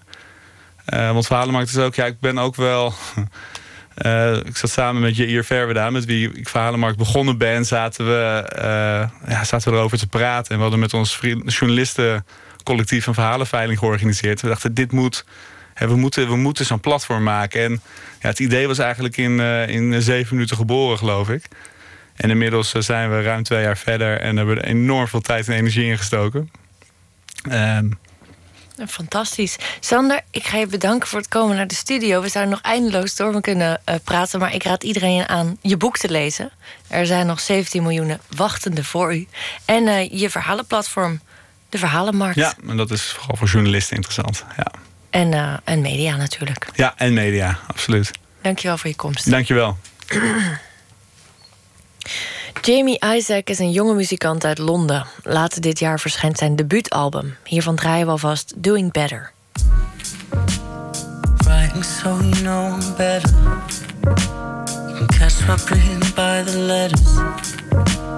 Grieving far below the pressure. But sinking further than a heart was weaving. Drowning myself almost every evening. Wishing I had met him. But there's no pressure.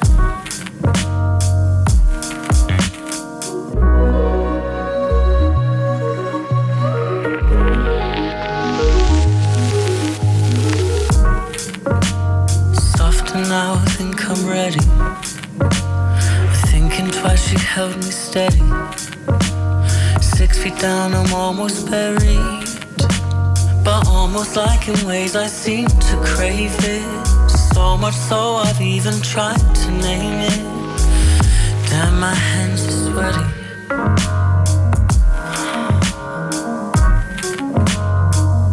Oh, think about the way these words are for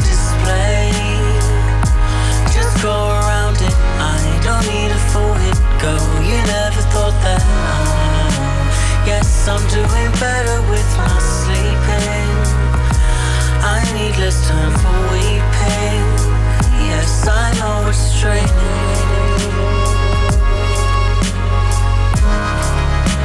But I'm doing better with my.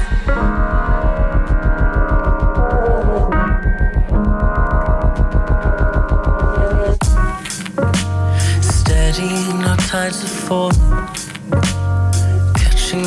Catching more, On my feet, I'm hardly crawling. But on her knees, she never liked to whisper. Kept her close, she always seemed to shiver. Wishing it was morning. Oh, oh think about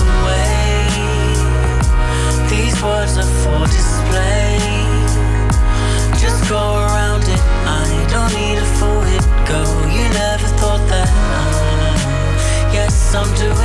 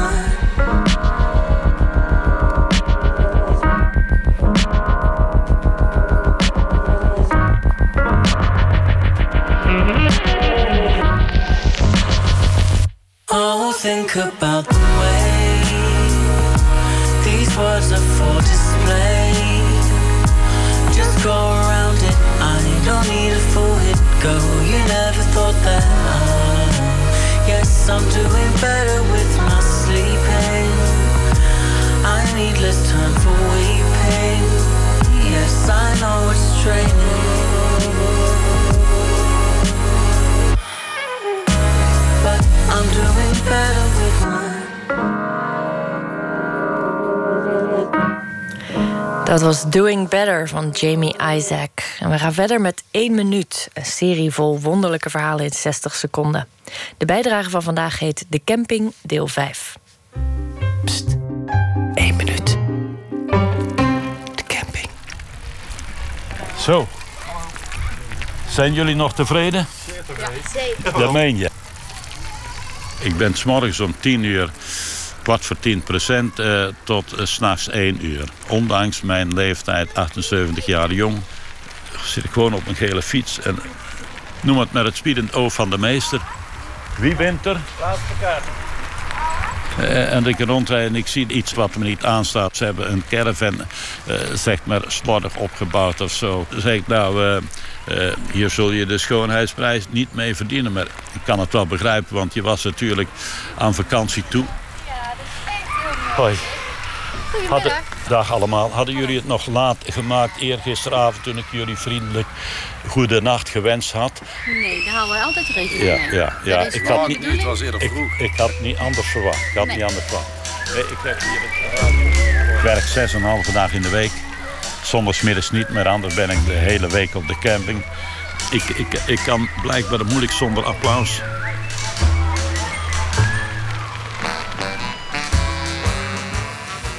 U hoorde 1 minuut, gemaakt door Tjitske Musche. 99% Invisible. Dat is de naam van een van de meest populaire Amerikaanse podcasts. En nu hebben ze, jawel, een aflevering over de bouw van de Bijlmer gemaakt. Eindelijk, we worden beroemd of berucht. Ehm, hiervoor zocht de podcast 99% Invisible de samenwerking met drie Nederlandse radiomakers op. En vandaag kwam de eerste aflevering online. Het wordt een heuse serie namelijk.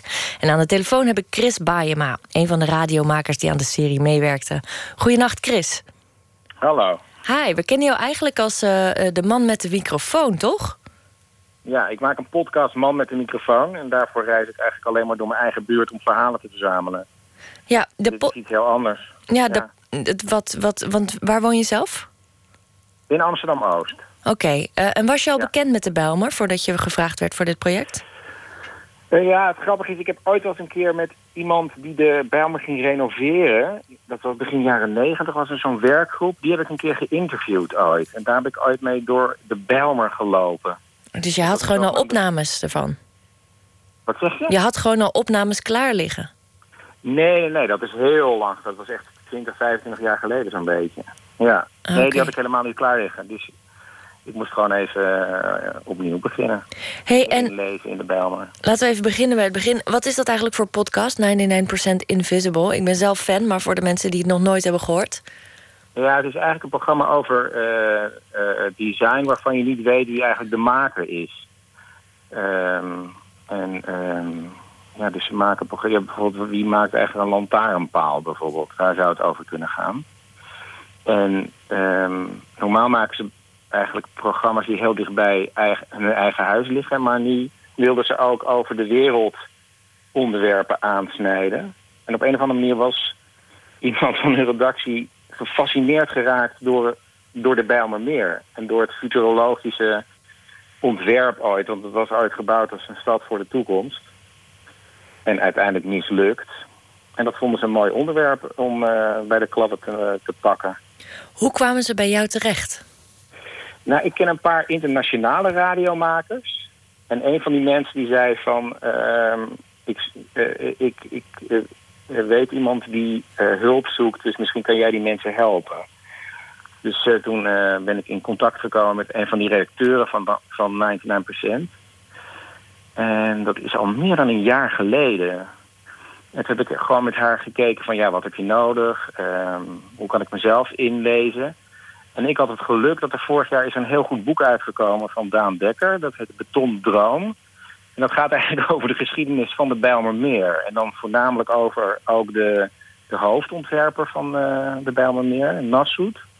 Dus via die Daan had ik toen al een hele goede ingang. En toen eh, kon ik vrij snel met eh, Katie, dat is die redacteur in Amerika, met haar overleggen van ja, wie, wie, wie heb je nodig, wat wil je hebben. En zo heb ik nou, iets van zeven mensen bij elkaar verzameld.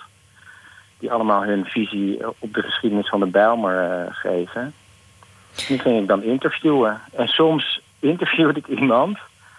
En dan had ik een soort Skype-verbinding nog met haar. En dan kon ze meeluisteren. En als ze dan nog extra vragen wilde... dan kon ze die extra vragen nog aan die gasten stellen.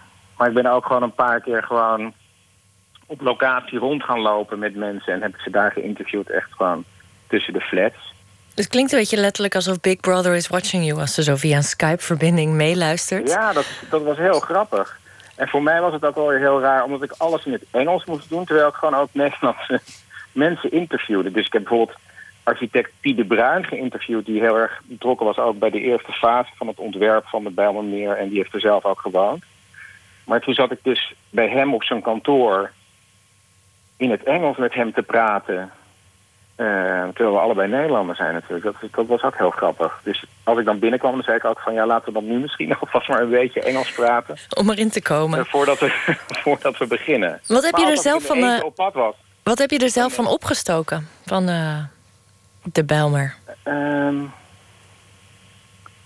nou ja, ik wist niet zo heel veel over, de- over de stad van de toekomst en de, de ideeën daarachter. En ik wist ook eigenlijk ook niks over die hoofdontwerper. En dat is natuurlijk ook heel leuk, want die, dat is, niemand weet eigenlijk bijna dat, het gewoon, dat er één hoofdontwerper was, Nassoud, die eh, de, de, de, de lakens daaruit deelde. en de hele ideeën achter die Bijlmermeer, dat weet ik nu beter dan, dan, dan ik het wist. Hoewel ik dus ook al twintig jaar geleden best wel eh, in, in aanraking was gekomen met eh, de, de oorspronkelijke ideeën van Ja. Chris, en ik waar- vond het heel leuk dat ik er de hele tijd heen kon, eh, kon eh, gaan en rondlopen en zo. Het klinkt als een, eh, een fascinerend avontuur. Waar kunnen we de podcast terugluisteren? Je kan hem gewoon luisteren op je telefoon bij je podcast-apps. En het is 99% invisible. Of je moet gewoon even googlen op 99, dus 99% invisible.org is het geloof ik. Dan kun je gewoon de site bekijken. En we kunnen natuurlijk jou volgen via de man met de microfoon. Precies. En het zijn twee delen. Dus deze week is deel 1 en volgende week is het 2. Dus het is gewoon een tweedelige serie. Dankjewel, Oh, Chris. Ik ga met plezier luisteren. Oké, dankjewel. Mama Kin is een Australische singer-songwriter die zowel solo-muziek uitbrengt als samenwerkt met de Engelse Steven Spender. Van dit duo is dit Underground.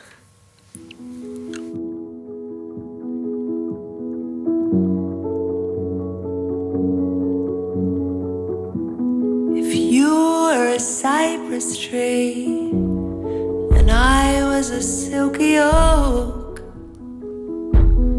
I'd hold your hands underground. I'd reach my fingers through the pulsing peat and microbes just to hold your hands underground.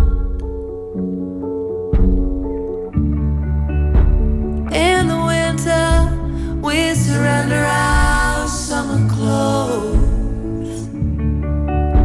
Standing naked when it's the bitterest of cold.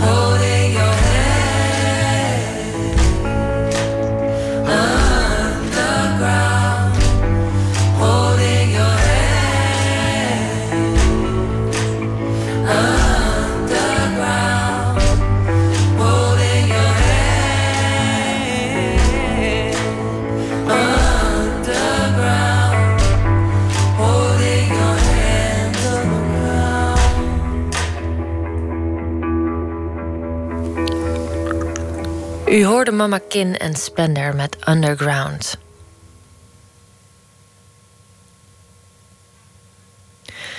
Iedere twee weken nemen we in de Amsterdamse platenzaak Velvet Music twee muzieksessies op met muzikanten uit binnen- en buitenland die op uitnodiging van Nooit meer slapen live een paar liedjes komen spelen.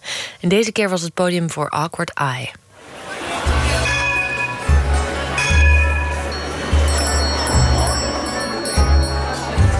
Hoi, ik ben Jurre de Haan en als ik muziek maak heet ik Eye. Het eerste liedje wat ik uh, ga spelen is uh, een liedje van mijn nieuwe album. Het heet A Boat Beneath Sunny Sky. En ik schreef het aanvankelijk uh, in opdracht voor muziektheatervoorstelling Alice in Wonderland. en, maar omdat het gedicht zo dicht bij de thematiek, voor zover die ik echt heb, maar van het album past, heb ik hem uh, toch op het album gezet. Dus, dus het is eigenlijk een nummer waarvan de tekst voor 80% van Lewis Carroll is, de schrijver van uh, uh, Alice in Wonderland. Van het gelijknamige gedicht. En het is een gedicht waarin volgens mij de schrijver terugdenkt aan de, aan de bootuitjes die, die, die Lewis Carroll had met de zusjes Liddell, waar Alice er eentje van was. En op die boottochtjes uh, vertelde hij die meisjes dan allemaal verhaaltjes. En dat vonden ze zo leuk uh, dat hij die verhaaltjes later verzameld heeft. En, die zijn heel beroemd geworden nou ja, als die Alice-verhalen. En uh, hij herdenkt die, die. Hoe zeg je? Hij wil eigenlijk dat het, hij herdenkt eigenlijk de jeugd en de schoonheid van dat moment. De jeugd van die meisjes waarop hij ze het mooist vond. Het was een beetje een. Nou, ik zeg niet pedoseksueel, maar ik denk wel een pedofiel misschien. Iemand die van kinderen hield. Uh, zonder daar verder die discussie aan te willen gaan, is dat denk ik zo. En hij herdenkt dat moment van dat hij dat zo mooi vindt dat hij het vast wil houden. En, uh, en dat het er nog steeds achtervolgt. Maar het is natuurlijk voorgoed. Hè, iedere dag is altijd weer voorgoed verloren, want je kan niet terug in de tijd. Kortom, ja, het is een heel nostalgisch, weemoedig gedicht.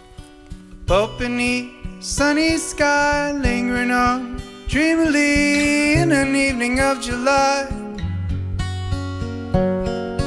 Children three nestle near, eager eyed, willing ear, pleased a simple tale to hear. Long as pale that sunny sky echoes fade, memories die, autumn frosts of slain July. Don't wanna see you later, see you later, wanna see you now. As you are. Don't wanna see you later, wanna see you now. Keep you exactly as you are. Still she haunts me, phantom wise, Alice moving under skies never seen by waking eyes. Children yet till the hear, eager eyed, willing ear, lovingly shall nestle near. In a wonderland they lie, dreaming as the days go by, dreaming as the summers die ever drifting down the stream. Above beneath sunny sky, lingering on dreamily in an evening of July. Children yet the tale to hear, eager eyed, willing ear, lovingly shall nestle near. Don't wanna see you later,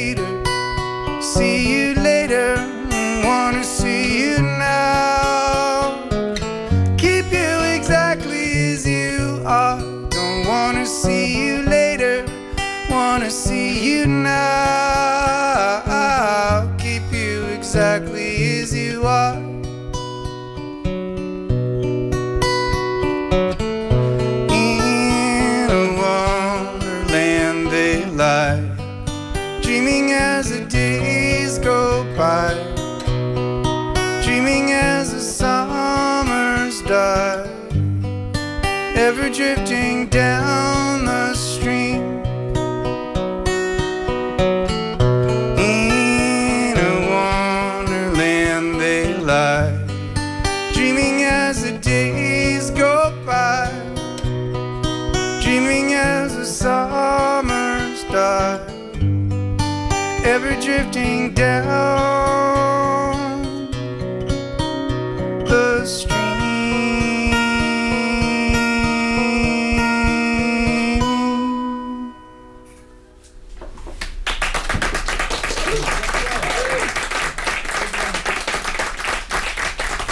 het volgende nummer eh, is Easy. Ehm, ehm, ja, het is eigenlijk een liedje wat. eh, het idee voor het liedje ontstond toen ik backstage zat te wachten eh, tijdens die muziektheatervoorstelling waar ik het net over had, Alice in Wonderland, zat ik ook wel eens dat ik niet op was en dan zat ik daarachter. Toen had ik ineens het idee van. Eh, ik, ik, ik, ging een beetje door een zware tijd waarin ik, eh, zonder dat ik het door had, een kind had verwekt. En, en toen dat een beetje geland was, bijna mijn moeder verloren aan een, aan een beroerte. Dus, eh, dus ik was heel erg bezig met kindertijd, wel kind zijn, kindertijd, kind af zijn hè, door het vaderschap. En ik weet niet, ik, ik was bang dat ik de, mijn speelsheid en mijn, en mijn frivoliteit een beetje kwijt zou raken. En dat het ten koste zou gaan van de nieuwe muziek. En, en toen dacht ik ineens, ik wil eigenlijk een nummer maken dat Easy heet, wat eigenlijk over deze hele lastige materie gaat. Een soort, ja, ik weet niet, een soort ironische ontkenning. It's easy going through the motions, toy arrangements of a grown man. Wearing hotel slippers with the royal aura of questionable quality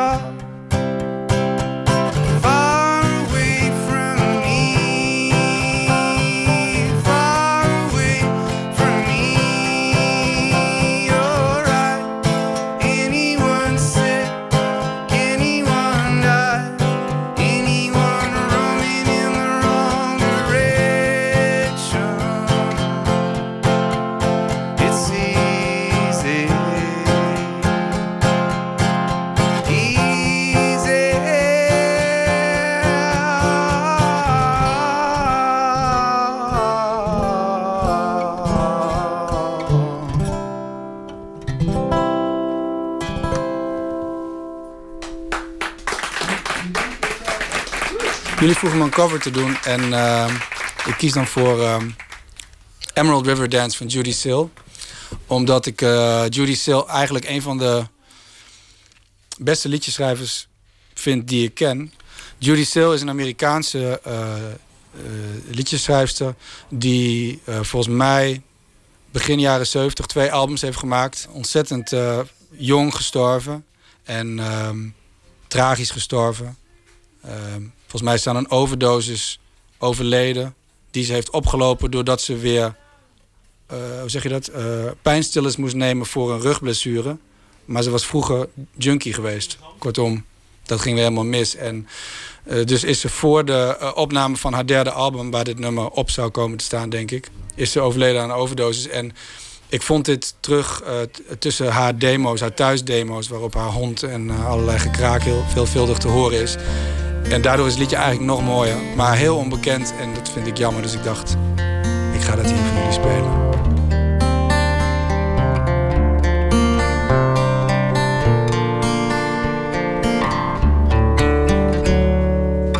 Emerald River dance with such velvety grace to the rhythm of the earth. Every beat reveals magic pathways of light where each seeker finds rebirth.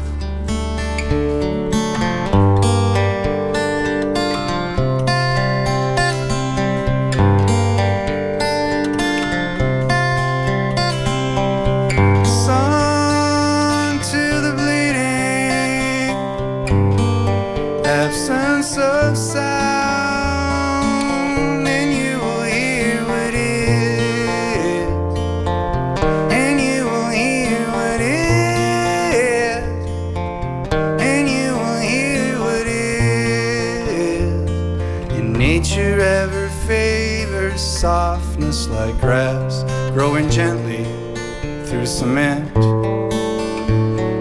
Softness often thrives where brutality lies in a shroud, death's vile scent.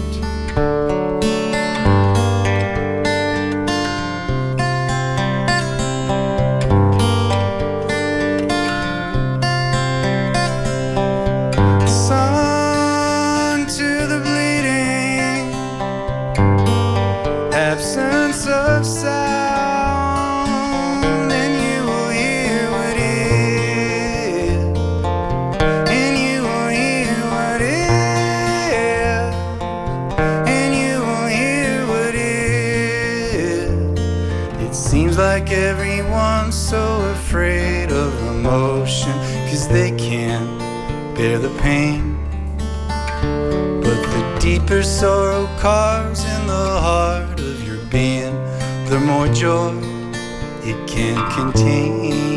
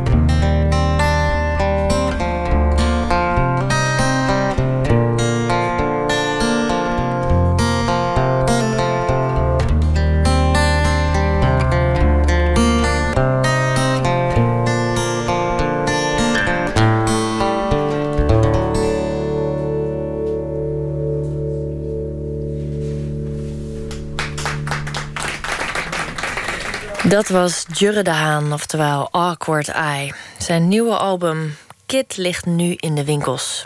De Nooit meer slapen live sessies zijn om de twee weken op vrijdagmiddag bij te wonen in platenzaak Velvet Music op de Rozengracht in Amsterdam. En als je daarbij wilt zijn, kijk dan vooral even naar de programmering op onze website vpro.nl/slash nooit meer slapen. Poëzie nu van Bibi Dumontac. In september verschijnt haar bundel Laat een boodschap achter in het zand. We spraken haar op de laatste editie van de Nacht van de Poëzie, waar zij het gedicht De Wilde Kameel voordroeg.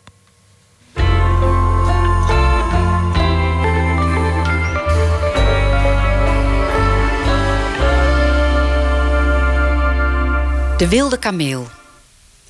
Wilde kamelenman, alleenstaand, zoekt kennismaking met vrouw.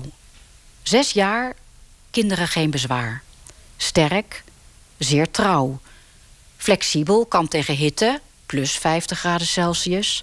En extreme kou, min 40 graden Celsius. Kom uit Mongolië, Gobi-woestijn.